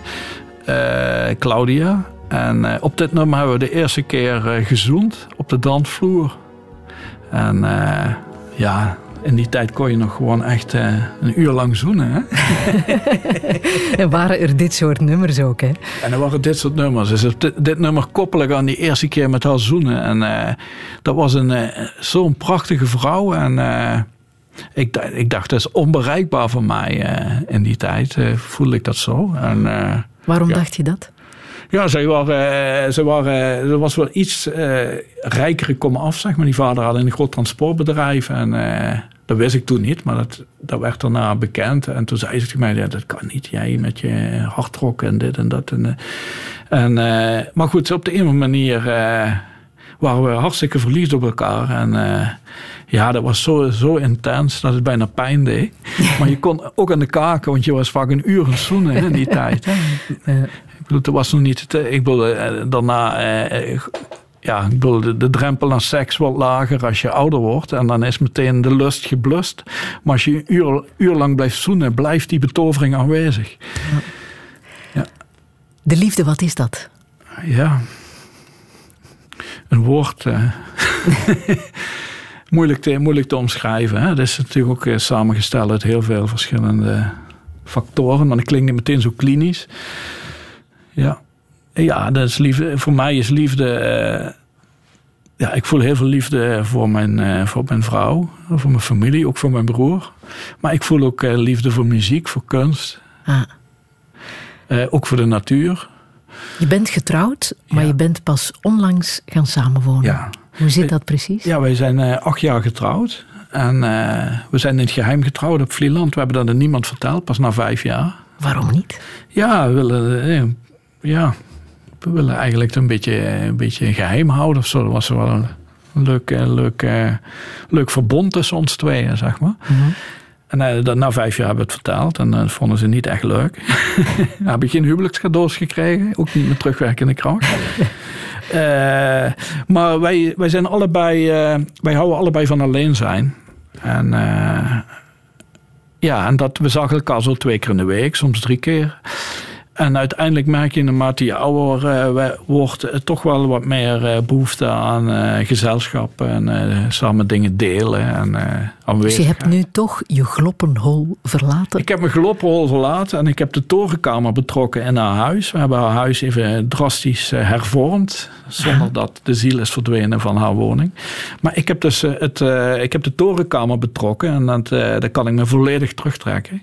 En uh, dat staat ook een bed, dus ik, als ik wil kan ook lekker... Uh, Heb je ook je schandpaal leverhuis? Ja, mijn schand, nou, de schandpaal staat boven, uh, die staat boven in het halletje, ja. Als je de trap opkomt voor je mijn torenkamer binnen gaat, staat... je hebt echt een schandpaal? Ja, gekocht op een veiling? Ja, die heb, ik heb die gekocht uh, via een veiling. En uh, ik had in eerste instantie uh, die schamper gekomen dat ik dacht van misschien ga ik eens mensen interviewen terwijl ik ze in die schandpal zet voor te kijken wat er dan gebeurt. Je kunt niet weg. Hè? En toen heb ik zelf een keer mezelf daar laten vastzetten. En dat voelde zo onprettig. Ik denk, daar wil ik niemand aan doen. Dat was maar de wel de reden waarom ik hem kocht. Hoor. Heb, je nog, heb je nog altijd. Ja. Is het moeilijk met jouw samenleven? Uh, dat denk ik denk, denk het niet, want uh, ik heb niet zoveel aandacht nodig. Ik kan goed alleen zijn. Uh, nee, ik, ik, het bevalt veel beter dan. Ik, ik heb 22 jaar alleen gewoond.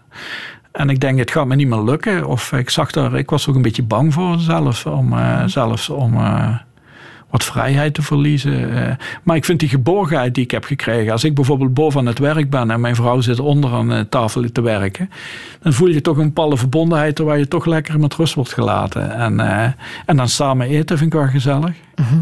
En zij heeft dat ook wel, zij heeft nachtdiensten en avonddiensten en zo. Dus ik ben toch nog wel veel alleen. Ja. Want je bent wel gevoelig voor prikkels. En je zei ook al even dat je lange tijd antidepressiva hebt genomen. Nu nog weer, maar ik en nu terug. Begonnen, ja. ja. Waarom? Nou, het ging in het voorjaar helemaal mis. Hè. Na die corona, toen uh, raakte ik echt hele controle over mijn geest kwijt. En uh, ik kreeg echt, ja, bijna suicidale gevoelens. En uh, ik was echt, echt helemaal... ik heb echt wel in mijn leven, zeg maar, de bodem bereikt in het voorjaar. Mm En Maartje, mijn vrouw, die vond ook wel prettig. Die, die zag al dat ik wat er weer was af aan het glijden, zeg maar, eh, na die vijf jaar zonder. Mhm. Dus die vond, vond, het ook wel prettig dat ik weer begon. En, en eh, die durfde me ook niet meer goed alleen te laten en zo. Dus, uh, en nu gaat het terug goed? Jawel. Alles terug onder controle? Ik heb het weer onder controle. Ja, ik heb nog wel wat klachten, wat, wat onderzoeken lopen, maar verder geen paniek of... Uh, nee, onder controle. En we hebben het echt heel gezellig samen. Dus uh, is ons allebei uh, 100% meegevallen. Blij dat het bestaat een antidepressivum? Dat denk ik wel, ja. Want hoe ben je ermee begonnen? Rond mijn dertigste, ik, uh, ik had altijd heel veel last van verlegenheid extreem en angsten en depressieve... Hoe ver ging dat, die verlegenheid? Hoe ver ging dat, die verlegenheid? Ik was gewoon bang voor mensen. Ik kon dit, ik kijk jou nou aan, hè, dat kon, kon ik niet. Dat was onmogelijk. Of een winkel binnengaan, op een bepaald moment lukte me dat niet. En in de collegezalen, die grote colleges waar ik anoniem was, dat ging prima. Maar eh, werkcolleges, die, die meed ik allemaal. Dus ik heb me daar een beetje doorheen geworsteld door die studie. Hoe lang heeft het geduurd voor je dat besefte, dat er iets aan nou, de hand was? Het werd gewoon onwerkbaar op een bepaald moment. Ik werd ook steeds depressiever. En uh, toen uh, rond mijn dertigste heb ik, denk nu is het genoeg geweest, ben, heb ik allemaal therapieën gevolgd.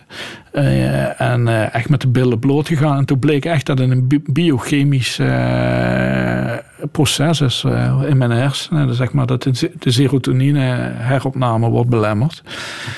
En de, ik wilde niet, niet aan de medicijn, want ik vond dat, uh, ja, ik vond dat een nederlaag. Uh, ik denk, dat moet ik zelf oplossen. En, daar heb ik heel lang mee geworsteld, maar ik heb het toch toen gedaan. En uh, ging voor mij echt een, een wereld open. Mhm. En ik heb dus 17 jaar geslikt. En toen dacht ik, ik wil, ik wil toch weer even ervan af. Ik wil weer zelf voelen hoe het is. En dan heb ik vijf jaar is dat gelukt. En ik denk dat door die corona is net, ben ik net weer over die rand geduwd, zeg maar. Want ik, ik gleed al af hoor, maar je had het goed gezien. Ja. Je hebt ook last van dwangneuroses, hè? Of is dat ook minder nu? Is ook minder nu. Dat wordt ook wel gedempt, maar dat heb ik wel, ja. Ah. ja ik en welke dwangneuroses? Nou, ik heb... Uh, ik trek altijd strepen. Ja? Als ik, hier nu, ik zie hier nu het scherm voor me zwart. En dan trek ik echt van die uh, dwarse strepen om, uh, om structuur te creëren. En bij ramen, deuren doe ik dat continu. Ah ben ik af en bakenen. En eh, als ik zinnen of woorden zie, ik daar radio zie ik daar staan, dan ga ik meteen focussen op de D, die is in het midden, en dan trek ik daar een cirkeltje omheen. En als het nou zes eh, letters waren geweest, dan zou ik in het midden een streep trekken. Dat doe ik continu. Eh. Vindt hij dat lastig? Nee, ik vind het nu wel leuk. ja, ik bedoel, het is een lichte vorm. Hè. Ik bedoel, en ik heb het is nu ietsjes minder, maar hij is nog niet helemaal verdwenen. Maar ik heb Dansje de hele nacht met mij heel lang in mijn hoofd gehad. Als melodietje. De hele dag zat ik dat te neurien. En, uh, ja. Antidepressiva hebben ook wel invloed op het... Op seksualiteit, op het libido. Ik heb dat, gek genoeg heb ik dat nu de tweede keer ben begonnen, heb ik er meer last van dan de eerste keer. Ja. Ja. Vind je dat vervelend? Vind ik wel vervelend, ja. Ik, ik bedoel, ik ben niet zo, zo, heel erg daarop gericht of zo, maar het is toch ja. Ja, ik bedoel, mijn vrouw heeft er dan ook mee te maken, om het zo maar te zeggen. Hè? Hoe los je dat op? Nou, we hebben heel veel intimiteit en we hebben het heel fijn samen en gezellig en over te praten. Uh En uh, dat is verder geen groot probleem of zo. Nee. Ik, bedoel, uh, ben geen twintig meer of dertig. Dus, uh, schaam je je nog ergens voor? Of ik me ergens voor schaam? Nou, ik vind dit, dit, dit onderwerp vind ik. nou, ik schaam me er niet voor, maar ik voel me er wel een beetje ongemakkelijk bij. Want het is. ja, maar ik, scha ik schaam me niet, want het is wat het is. Hè? Uh Nee. Nee, ik ben schaamte niet meer zo snel, nee. Nee. nee. Ja, ik, ik zie de relativiteit overal wel van in. En, nee, ik schaam me niet meer zo snel. Ook niet over dat stukje huid op je arm? Oh, dit hè? Oh ja, dat is een verhaal, ja. Ik, had, ik had hier een uh, grote pigmentvlek. Uh, ja, mensen kunnen het nou niet zien, maar hij is, ik denk, een centimeter of acht lang en vijf breed. En die zat op mijn hele arm en die was heel erg dik en behaard en die begon te bloeden. En toen, ja, die zou kwaadaardig kunnen zijn of worden. En bij de geboorte willen ze hem weghalen en zei de huisarts, het is niet nodig. Maar goed, ik was toen 12, 13 en die begon echt te bloeden. En toen werden ze echt ongerust. Dat kan huidkanker eh, worden. En uh, toen zei ze van uh, dokter Plachard, ik weet het nog, dat was een vrouw. Die zei, we hebben een nieuwe techniek vroeg ze natuurlijk aan mijn moeder. Uh, die regelde dat allemaal. Een nieuwe techniek, uh, waarbij we normaal halen we het uit de rug of de bil. Maar we hebben een nieuwe techniek waarbij we het uit de lies halen, omdat dat rekbare huid is. En doe die mee aan het experiment. Of, uh, ja, ik, ik zei ja. Ik had, ja, weet je, ik had er helemaal, ik was toen 13 of zo. Dus we zijn, hebben meegedaan. En toen hebben ze uit mijn lies hebben ze een stuk huid gehaald en hebben ze in mijn arm gezet. En dat is uit esthetisch oogpunt helemaal mislukt. Dus dan ja, willen ze opnieuw doen. Maar ik denk, ik ga niet weer het ziekenhuis leggen voor een uh, esthetische uh, verbetering van mijn arm. Maar wat gebeurde er toen? Ik ben een laadbloeier. Mijn broer die was fysiek veel meer ontwikkeld dan ik. Dus die had al schaamhaar en ik niet. En dan zijn ze te diep in die lies gegaan. Dan heb ik hier heb ik, heb ik zo'n hap uit, uit de schaamhaar, om het maar even heel plastisch te zeggen. En die begon hier op mijn arm hier te groeien. En daar heb ik me heel lang voor geschaamd. En nu vind ik dat wel leuk. het, is ook, het is een spannend en uiteindelijk maar toch een heel klein beetje grappig er verhaal. totaal geen gevoel in. En het gaat helemaal goed met je arm. Het gaat prima. Dat is het belangrijkste. Ja.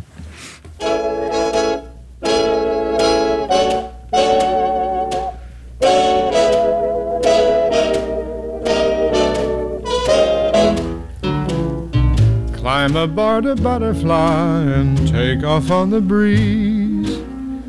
Let your worries flutter by and do the things you please. In a land where dollar bills are falling off the trees. On a dreamer's holiday. Every day for breakfast, there's a dish of scrambled stars. And for luncheon you'll be munching rainbow candy bars.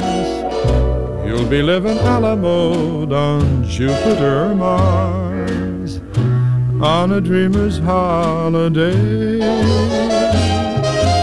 Make it a long vacation.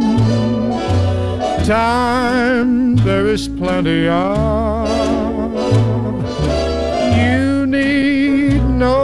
Reservation.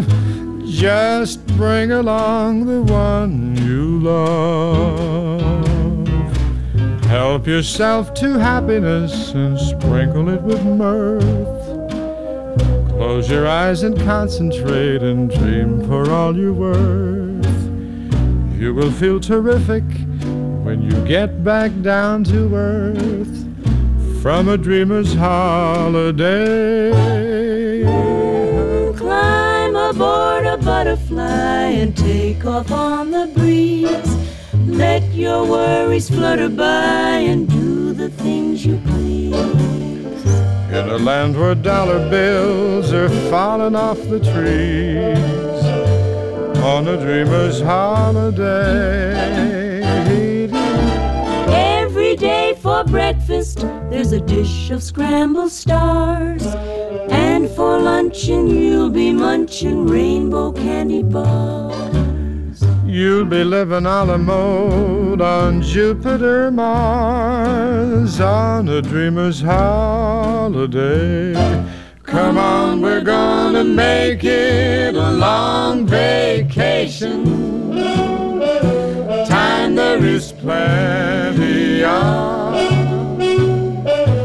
You need no reservation. Just bring along the one you love. Help yourself to happiness and sprinkle it with mirth. Close your eyes and concentrate and dream for all you're worth. You will feel terrific when you get back down to earth from a dreamer's holiday.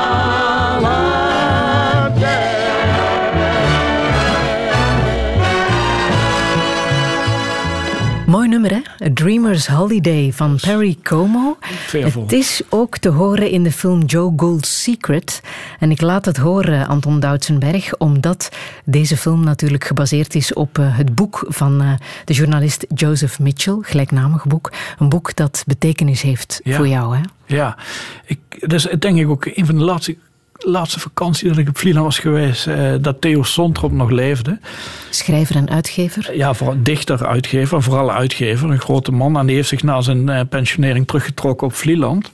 En ik heb hem daar ontmoet. Ik ging altijd alleen naar Vlieland. Uh, en dan ging ik altijd één of twee weken alleen zitten. En toen heb ik in een kroeg, was er een klein luidruchtig mannetje die over literatuur was aan het oreren tegen de Vlielanders die daar eigenlijk helemaal niks van willen weten denk, wie is dat? En toen raakte ik met een gesprek en toen viel het kwartje. En toen ben ik bevriend geraakt met Theo. En uh, iets van twintig jaar heeft die vriendschap geduurd. Uh, en uh, ik ben elk jaar minimaal één keer per jaar op Vlieland geweest. Ik ga nu aanstaande vrijdag weer. Mm -hmm. Met mijn moeder, met z'n mm -hmm. tweetjes. twee weken. En hij was ook getuige op dat geheime ja, huwelijk? Ja, hij was ook, hij was ook getuige op dat geheime huwelijk. En Theo die gaf mij ook altijd wat boeken en, en tips. En Theo heeft mij ook geholpen met het publiceren van mijn eerste boek. Hij heeft mij toen in contact gebracht met Hollands Maanblad, waarin ik toen gedebuteerd ben. Dus hij heeft me dat setje gegeven wat ik nodig had. En dat hij uitgerekend dit boek aan jou heeft meegegeven, die uh, Joe Gold Secret van. Uh, nou, ik weet niet of, daar een, eh, of er per se een bedoeling misschien wel. Ik weet het niet. dat is achteraf. Kijk, want de laatste keer dat ik er was, hij is toen gestorven. Hè, dat, later dat jaar. want hoe interpreteer jij dat dan? Je hebt een boek van hem gekregen. Ja, ja, ja dat maar hij heel bewust, van, zou dat bewust. dat, hij heel goed wist waarom hij dat boek aan jou gaf. Ja, dat, dat, ga je dan achteraf ga je dat dan zo denken. Maar hij, gaf me heel veel boeken. dus dat, uh, Ik kreeg er altijd heel veel. Maar ik vond, dit boek heb ik ook, dat heb ik toen benoemd ook in mijn uh, privédomeinreeks. Ja. Ik vond dat echt een prachtig boek. Mm, daarin las ik ook dat boek dat jij hebt geschreven, Ik bestaat uit twee letters. Wat trouwens uh, zeer interessant is om te lezen, om jou beter te leren kennen. Daarin las ik ook dat hij de stoute schrijvers op zijn toilet zette. Ja. Die moesten die de straf stank, hadden. Die straf hadden. Ja, Jeroen Brouwer stond, eh, stond altijd op het toilet. Anne Grunberg stond altijd op het toilet. Die moesten de stank verdragen. Ja, die moesten zijn stank verdragen, ja. Dus. Leuke man, die Theo Sondrop? Ja, kleine mopperaar, die uh, heel erudiet. En uh, ik ging er altijd heel graag naartoe. Ik, ik mis hem heel erg, dus ik ga nu zijn graf weer even bezoeken. Hij ligt ook op Vlieland op het kerkhof. Een soort vaderfiguur klinkt misschien wat zwaar, maar in bepaalde opzichten was dat wel zo. En ja, ik, ik, vind, en Maartje kon ook goed met hem, met hem vinden. Die kwam dan uh, ook uh, wel eens mee. Maar nu ga je dus met je moeder naar Ik ga sinds mijn vader dood is, neem ik mijn moeder elk jaar mee als ik het kan betalen naar Vlieland. En dan uh, ga ik twee weekjes voor haar zorgen, elke dag koken en met haar wandelen en kan ze in bad. Ja. Ik moet haar nu wel helpen, ze kan er niet meer alleen in en uit.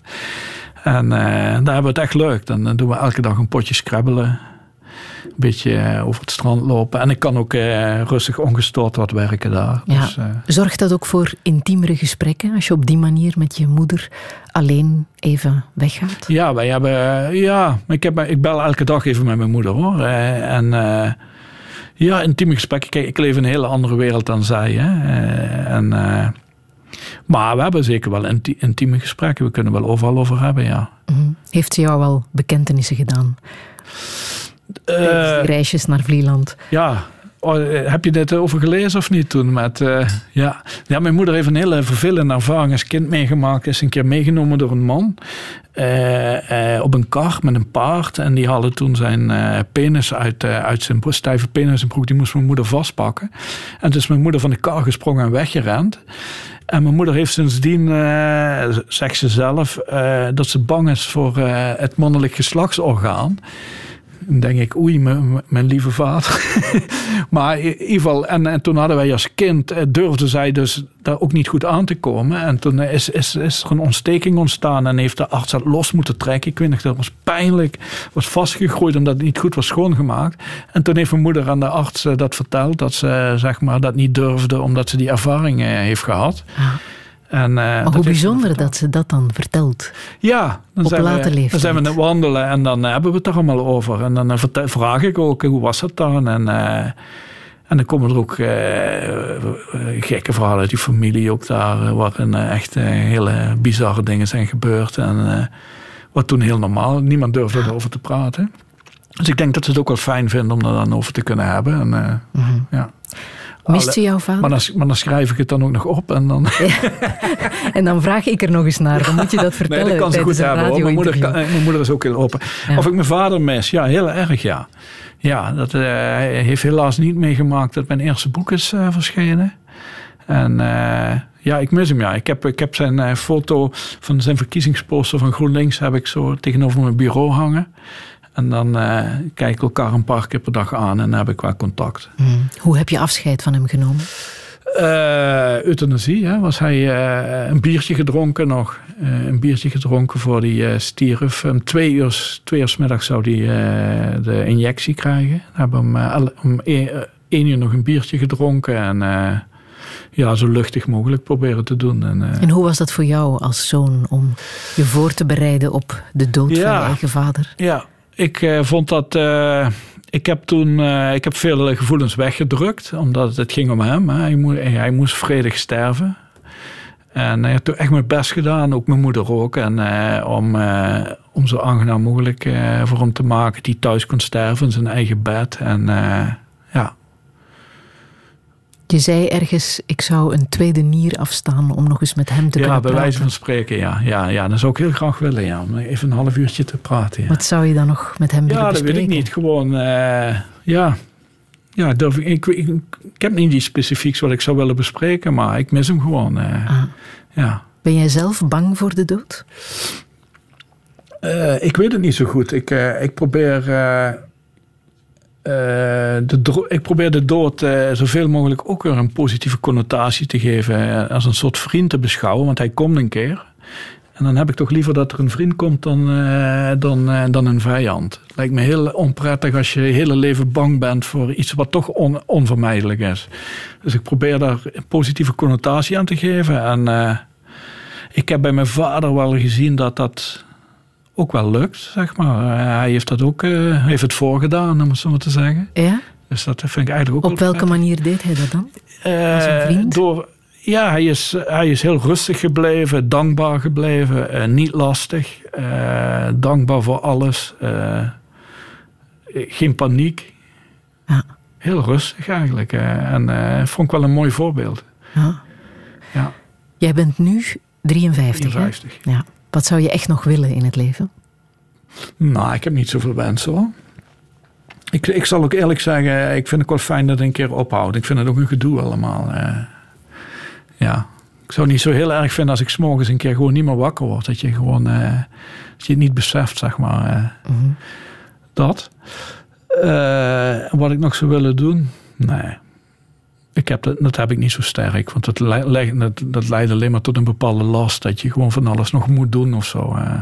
Ik ben heel tevreden over hoe het gaat. Ik ben dankbaar in de situatie waarin ik nu zit. Ik ga met mijn moeder eh, naar Vlieland. Ik woon eh, samen met een lieve vrouw. Ik, een, ik heb dit jaar geen financiële problemen, want ik heb een hele mooie werkbeurs gekregen van het Fonds van de Letteren. Dus dat, die last is weg voor dit jaar. Dus ja, ik heb gewoon geen reden tot klagen, nee. En je gaat een, uh, wat is het, dubbel LP samenstellen met heavy metal muziek? Ja, de, hij is uh, in ieder geval de selectie heeft plaatsgevonden met Vincent uh, eh, Loos, is een vriend van mij inmiddels, voor Excelsior Records in Amsterdam. gaan wij de heavy metal bands uit Nederland en België uit de periode 1978-1984 een selectie maken. Daar is een publiek voor. Er is een publiek voor, want er was een hele hechte scene in die tijd. Ja? En, en ja, er komt een mooi boekje bij. En ook, uh, ik denk wel, de, van de eerste selectie van de 24 nummers zijn er, even kijken, 65% van die bands komt uit België. Dus de scene was hier rijker dan in Nederland. Heb je daar een verklaring voor? Nou, ik vind, ik vind België sowieso wel een progressiever land qua muziek. Uh, We hebben het toen straks in de wandelgang over Studio Brussel gehad. Uh, ja, dat je wou meteen weten waar die studio was. Ja, waar die studio was. in het dit mij in de jaren 90 en ja. eind jaren 80 in mijn studententijd. De afrekeningszondags, dat was ja. natuurlijk een hele belevenis steeds. En er was ook altijd ruimte voor progressieve muziek. In Nederland was dat beperkt hoor. Uh, en uh, ik merkte ook, het, uh, ik ben ook heel veel naar concerten in België geweest. En ja, op de een of andere manier vind ik het hier toch iets, iets progressiever qua muziek. -huh. ja. Welke boodschap wil je hier nog meegeven? Even denken. En voor, de, voor de luisteraars. ja. Ik ja. zou aan ze willen zeggen: wenselijkheid en werkelijkheid delen 11 van de 13 letters. Dat is een dekkingsgraad van 85 procent. Dat is een mooie. Waar heb je die zelf vandaan? Die heb ik zelf uh, bedacht. Uh, hij, in, in Geestman heb ik dat uitgewerkt. Dan, uh, en die 15 procent, daar gebeurt het. Hè? Ja. Van wenselijkheid de werkelijkheid maken of andersom. Aha. Ah. Ik heb nog Iron Maiden. Ah. Mensen waren gewaarschuwd, hè? Maar waarom nog Iron Maiden? Mensen, is het, jij hebt de mensen lekker gemaakt. Ik heb zelden of nooit mensen die uh, heavy metal muziek meebrengen. Maar het is een verrijking. Iron, Phantom of the Opera Ik heb Iron Maiden voor het eerst in 1983 live gezien. En uh, dat was onvoorstelbaar. Aha. Toen denk ik, dit is mijn muziek. En in mijn middelbare schooltijd is dat voor mij een soort... Uh, houvast geworden, zeg maar. Een soort, ja, je had een identiteit, hè, metal. Alle remmen los, is het dat? Nou, bij mij gaan de remmen niet zo snel los, maar in muzikaal opzicht zijn er voor mij geen remmen, nee. Ja? Oké, hier gaan we. Ja.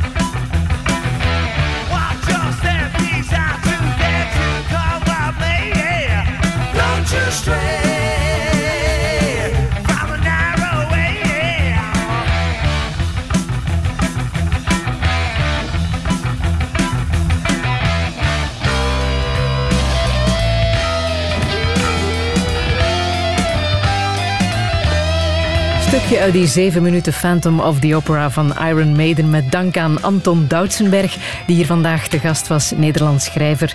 Je kan eh, de uitzending herbeluisteren via onze podcast of via onze website natuurlijk. Alle info staat ook na te lezen op radio1.be. En volgende week verwacht ik hier actrice Maaike Neuville. Nog een heel erg fijne zondag. Herbeluister dossier via de podcast, Radio 1-app en radio1.be.